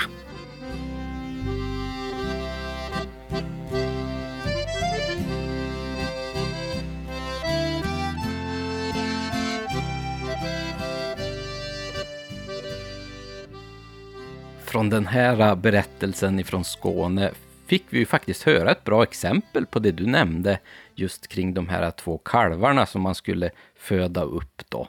Det var bara de som kunde dra upp det här skeppet tydligen. Finns det guldskepp också? Mm, det gör det absolut. Och guldskepp och guldvagnar är två varianter på ett liknande tema. Alltså det är ju, istället för att det är en vagn som då är förgylld eller som är fylld med dyrbarheter så är det då ett skepp som har förlist någonstans. Mm. Och eh, man försöker få upp den. Men det är precis samma riktlinjer man måste följa för att få upp den. Och det kan vara ganska nog så komplicerade. Det räcker med att tala eller med att man har gjort någonting fel, att man har det ska vara tvillingoxar då. Så att, att det är någonting som är fel med det. Alltså det, det är nästan korrekt och därför får man den på väg upp. I vissa fall så är den nästan uppe och då kommer de här, för det är precis samma också hinder som man kan mötas av som i vanliga skattsägner så att säga. Att uh, man kan se de som kanske drar upp den här eh, med oxarna kanske ser plötsligt oj, hela byn börjar brinna. Och då får man panik och släpper allting och och det är en synvilla naturligtvis då. Och då är det förgäves, för man får aldrig upp den igen. Den kommer aldrig komma tillbaka, utan då är det, då är det kört. Alltså den här traditionen om guldlastade skepp kan ha faktiskt nått så långt upp som till eh, dina trakter. Det finns mm. fragmentariskt även från Ångermanland berättelser om detta. Usch, nu blir jag ju intresserad. Jag kanske måste ta någon sån här dykarcertifikat. det kanske finns någon sån här guldskepp här ute efter kusten. Det måste jag nästan kolla upp. Men det är frågan, de här guldskeppen, om det är ett skepp som har förlist, vilka är, är det då han, handelsmän eller är det några andra som har de här guldfyllda skeppen? Det kan ju vara vad som helst, det är det som är så fint med folkfantasin. I Stockholm exempelvis så bevittnade ju väldigt många människor hur man drog upp ett väldigt eh, påkostat fint skepp som ju nu är kanske det mest populära museet i Stockholm med regalskeppet Vasa. Det drog man ju faktiskt upp. Nu såg man ju också när det sjönk. Men, men det finns ju andra exempel på skatter som man kan hitta i vattnet. Och inte minst fantasin kring, alltså inte fantasin för det var ju verklighet också, men ta vikingafärderna utåt. Om ett skepp där förliser, det behöver inte vara nära, kan vara nära land, kan vara längre ut. Men skatter finns absolut på havsbotten. Ja, jag kan ju tänka mig det att det är mycket handelsskepp och, och som du säger vikingar som har med sig eh, olika kyrkoföremål och sånt där. Att det, det är klart, det gick ju inte alltid bra ute på, på vågorna. Men när jag tänker skatter och skepp, då tänker jag direkt på pirater.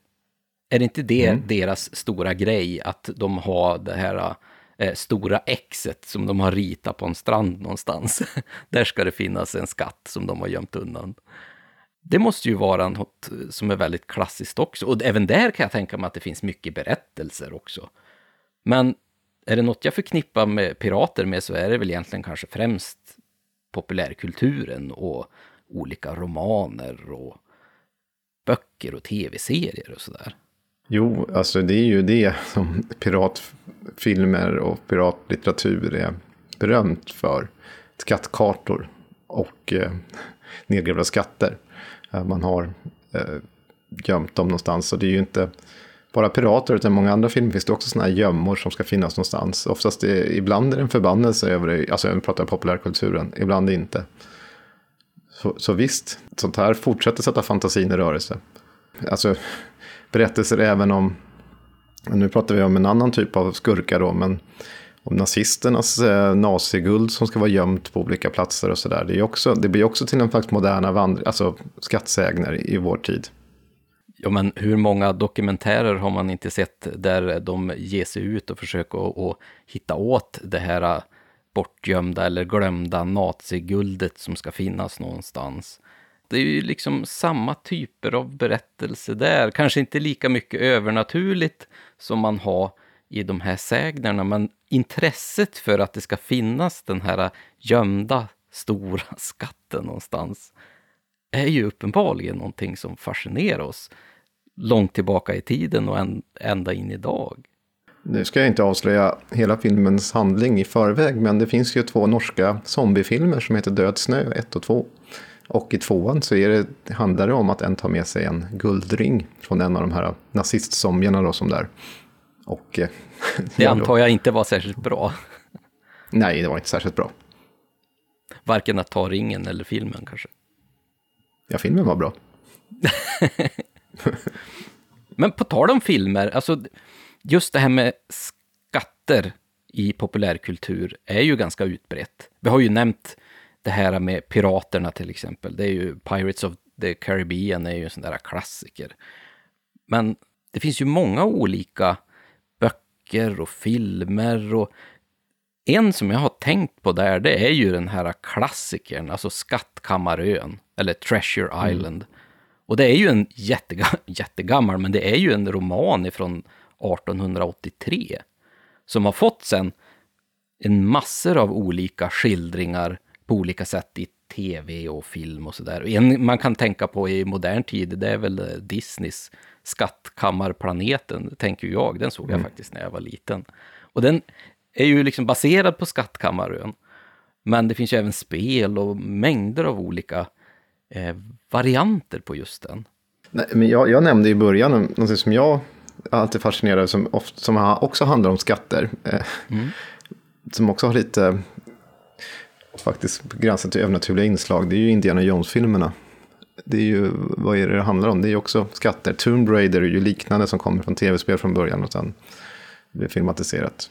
För det bygger på samma idé. Den här äventyrsarkeologen som finner de här skatterna och får bemästra olika fällor och andra faror för att komma över mystiska och mytologiska skatter som den helige graal exempelvis. Satt faktiskt och tänkte på det där när vi skulle fundera lite grann över de här populärkultursvarianterna. Eh, och då tänkte jag, ja men vad är en skatt då? Är det de här eh, rikedomarna som man kan hitta? Som, ja, men som Indiana Jones, där är det ju oftast en form av kulturskatt man är ute efter, alltså olika artefakter. Och då tänkte jag, ja men om man ska bredda det begreppet, västerngenren, är inte den väldigt inblandad i att man ska hitta guld också? Den här guldruschen som är i USA, eller som var i USA. Det är väldigt många westernfilmer där man hittar guld eller man kanske har gömt undan guld och det blir mycket bråk kring det. Och det är ju också en form av skatt, att hitta det. Oftast är det ju en rånarskatt som liksom någon har rånat en bank och, och gömt undan skatten.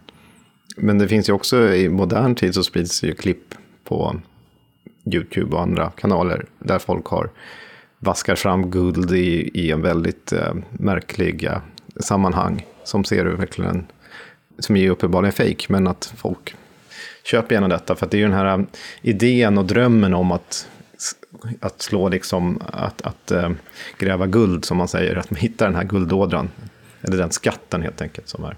Men vi har ju, här har vi inte pratat om kanske Malmö och sånt där, alltså av människan förfärdigat eh, föremål, alltså guld, mynt, ädelstenar och sånt som, som man vill komma över.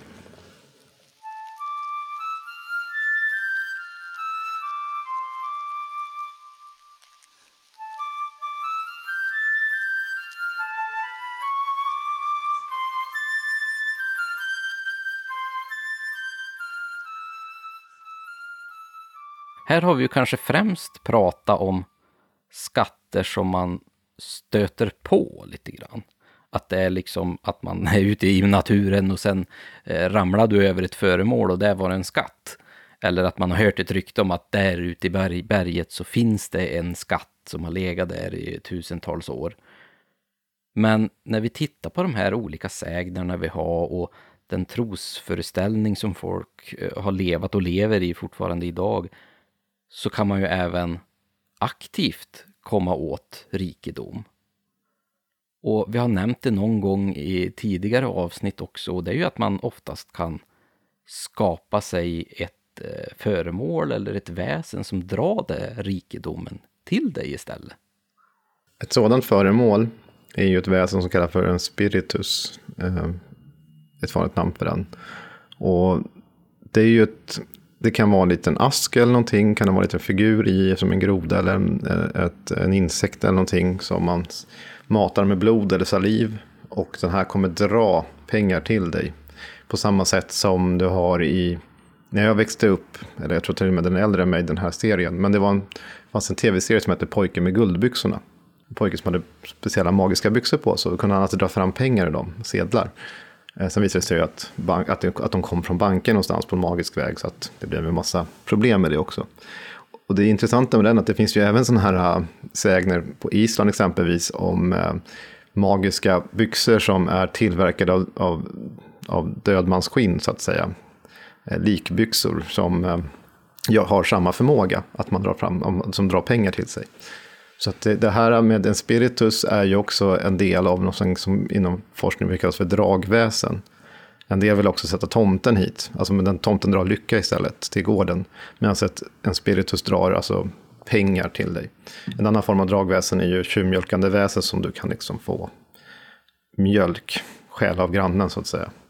Norröver så är puken då liknande, en variant på detta. Den kan också dra lycka, så rikedomar till dig. Så det är, ett, det är en magisk väg att, uh, att öka sin, sin förmögenhet helt enkelt. På andras bekostnad. Ja, och just eh, de här olika väsena har ju en helt egen sägenflora runt sig, som vi kanske ska göra ett avsnitt om även det. Men det handlar ju samtidigt om den här önskan om att få rikedom som ingen annan har. Och det är något som verkligen är speciellt för oss. Det, vi vill oftast ha det bättre än vad vi har nu. Och nu har vi det ju väldigt bra, men förr i tiden så hade man ju lite sämre. Eh, så att eh, jag förstår absolut att de här eh, berättelserna har haft en stor vikt. Du har ju för övrigt i vår tid så finns det ju också berättelser om personer som, och vilket ju faktiskt händer, att folk kommer över väskor eller annat som är fyllda med eh, sedlar. Och ibland om ni säger att det är i, i andra delar av världen kanske det tillhör sig kartellen eller någonting annat. Och då blir det natur, av naturliga skäl olyckor om man eh, behåller de här pengarna.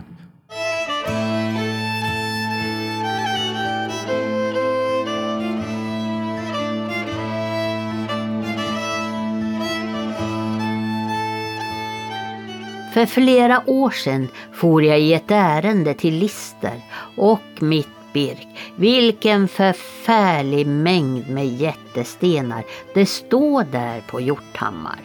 Då levde ju Amen Amensen ännu och han kunde tala om hur en man en gång grävde efter sand där ute på udden och helt plötsligt fått tag i en kittel full med skatter. Mannen tog hem kitteln, det kan man ju begripa. Men yes kanna mig kom där inte om natten den gengångare som rådde om skatten med ett bud att om mannen ville behålla sitt endaste barn i livet så skulle han sätta tillbaka kitteln på samma plats där han hade hittat den. Du store tid, vad tror ni mannen gjorde? Han behöll ju hela skatten, jag litar på det. Men barnet hans, det dog. Ackan i mig, så visst som jag står här, en syndig kärring.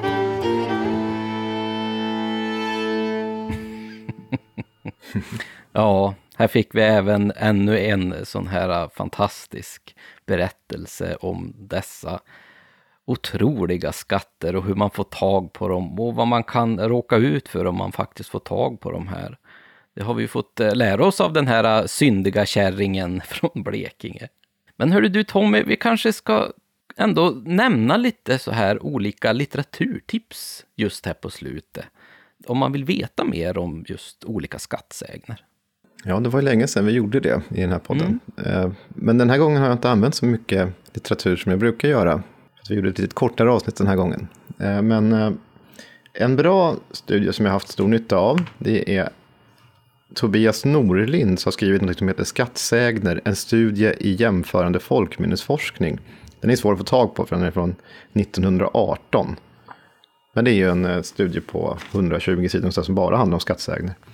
Och sen är det då nämnda Bengt af Klintbergs Guldvagnen på sjöbottnen, en skattsägen och dess bakgrund. Den brukar finnas att få tag på på antikvariat. Jag ska se vilket år den var tryckt. Jag tror att den är från 70-talet. 19, nej, den är från 1997 så den är ganska ny. Och sen så har jag använt en hel del av Valdemar Ljungmans Sveriges sägner del 5 som ju också innehåller skattesägner. Mm. Och sen skulle jag kanske som en sista del också påpeka som vi har sagt förut här i podden, men det finns också bra resurser på internet som man kan snabbt själv söka upp sägner på. Det ena är ju sägenkartan Eh, Eh, och den är ju bara att söka, googla på sägenkartan kommer ni hitta den. Och den andra är, heter Folke, som är också en sökmotor med, som är mycket, mycket större. Där kan man söka på skattsägner exempelvis, eller skatter. Och sen finns det Folklivsarkivet i Lund, har också eh, det mesta digitaliserat av sina samlingar, så där kan man också söka i. Och med de här tre eh, sökmotorerna kommer ni hitta, även Norge och Finland har, eller svenskbygden i Finland finns ju på, dem, på sägenkartan i alla fall. Så att det kommer, ni kommer få ganska mycket material. Och för att mycket av de här skattsägnerna som vi inte har varit inne på detalj, för det kanske blir för långrandigt, men de, många är alltså lokalsägner som är knutna till vissa orter och platser. Så där. Och där, det finns ju gott om dem. Alltså, säkert många som lyssnar nu har säkert hört och känner till en massa skattsägner för sina närområden. Men de kanske har vi inte nämnt här, men de, mycket sånt där kommer man hitta om man söker de här databaserna. Jo, det kan jag faktiskt känna igen själv. Jag, eh, det finns här eh, en eh, lokal sägen kring ett eh, gruvberg, men jag tänkte att vi skulle spara den till ett annat avsnitt faktiskt. Så att ni får höra den lite framöver istället.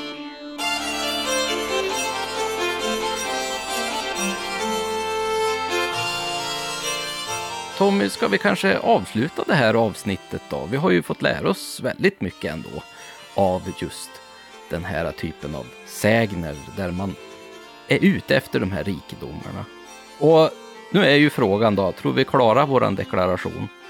Vi har ju kanske ändå deklarerat ganska bra om vilka typer av skatter vi har pratat om, tycker jag. Mitt råd till dig är att du ska deklarera tyst.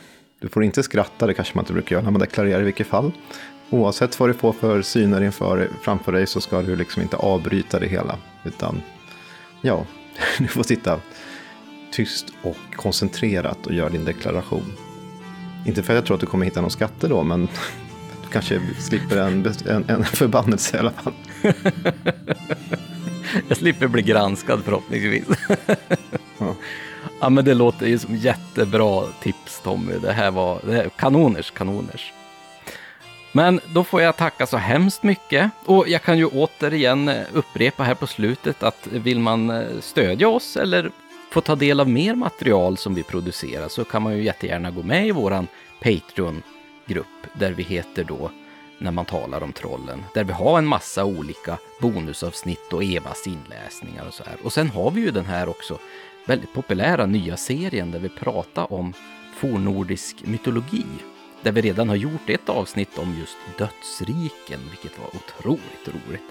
Och eh, det kommande avsnittet är ju ännu ett önskeavsnitt ifrån våra medlemmar där och det är ju om den fantastiske guden, kanske?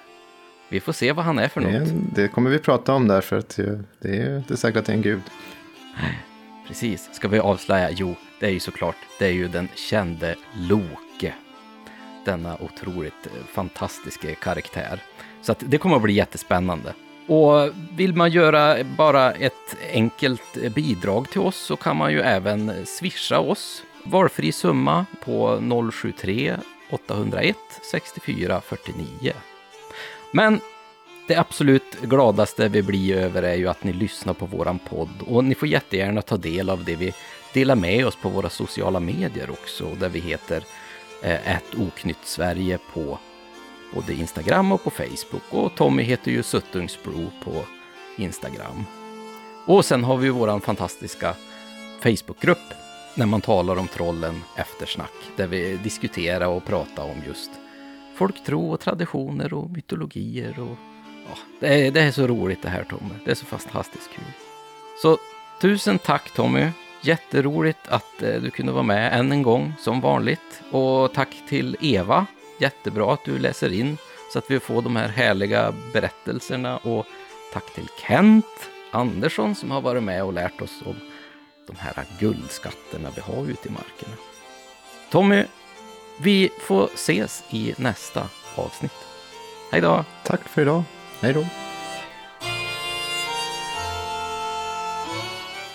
Podden är producerad av Oknytt Nordisk Folktro och Mytologi och intromusiken är komponerad av Mark Jungerman.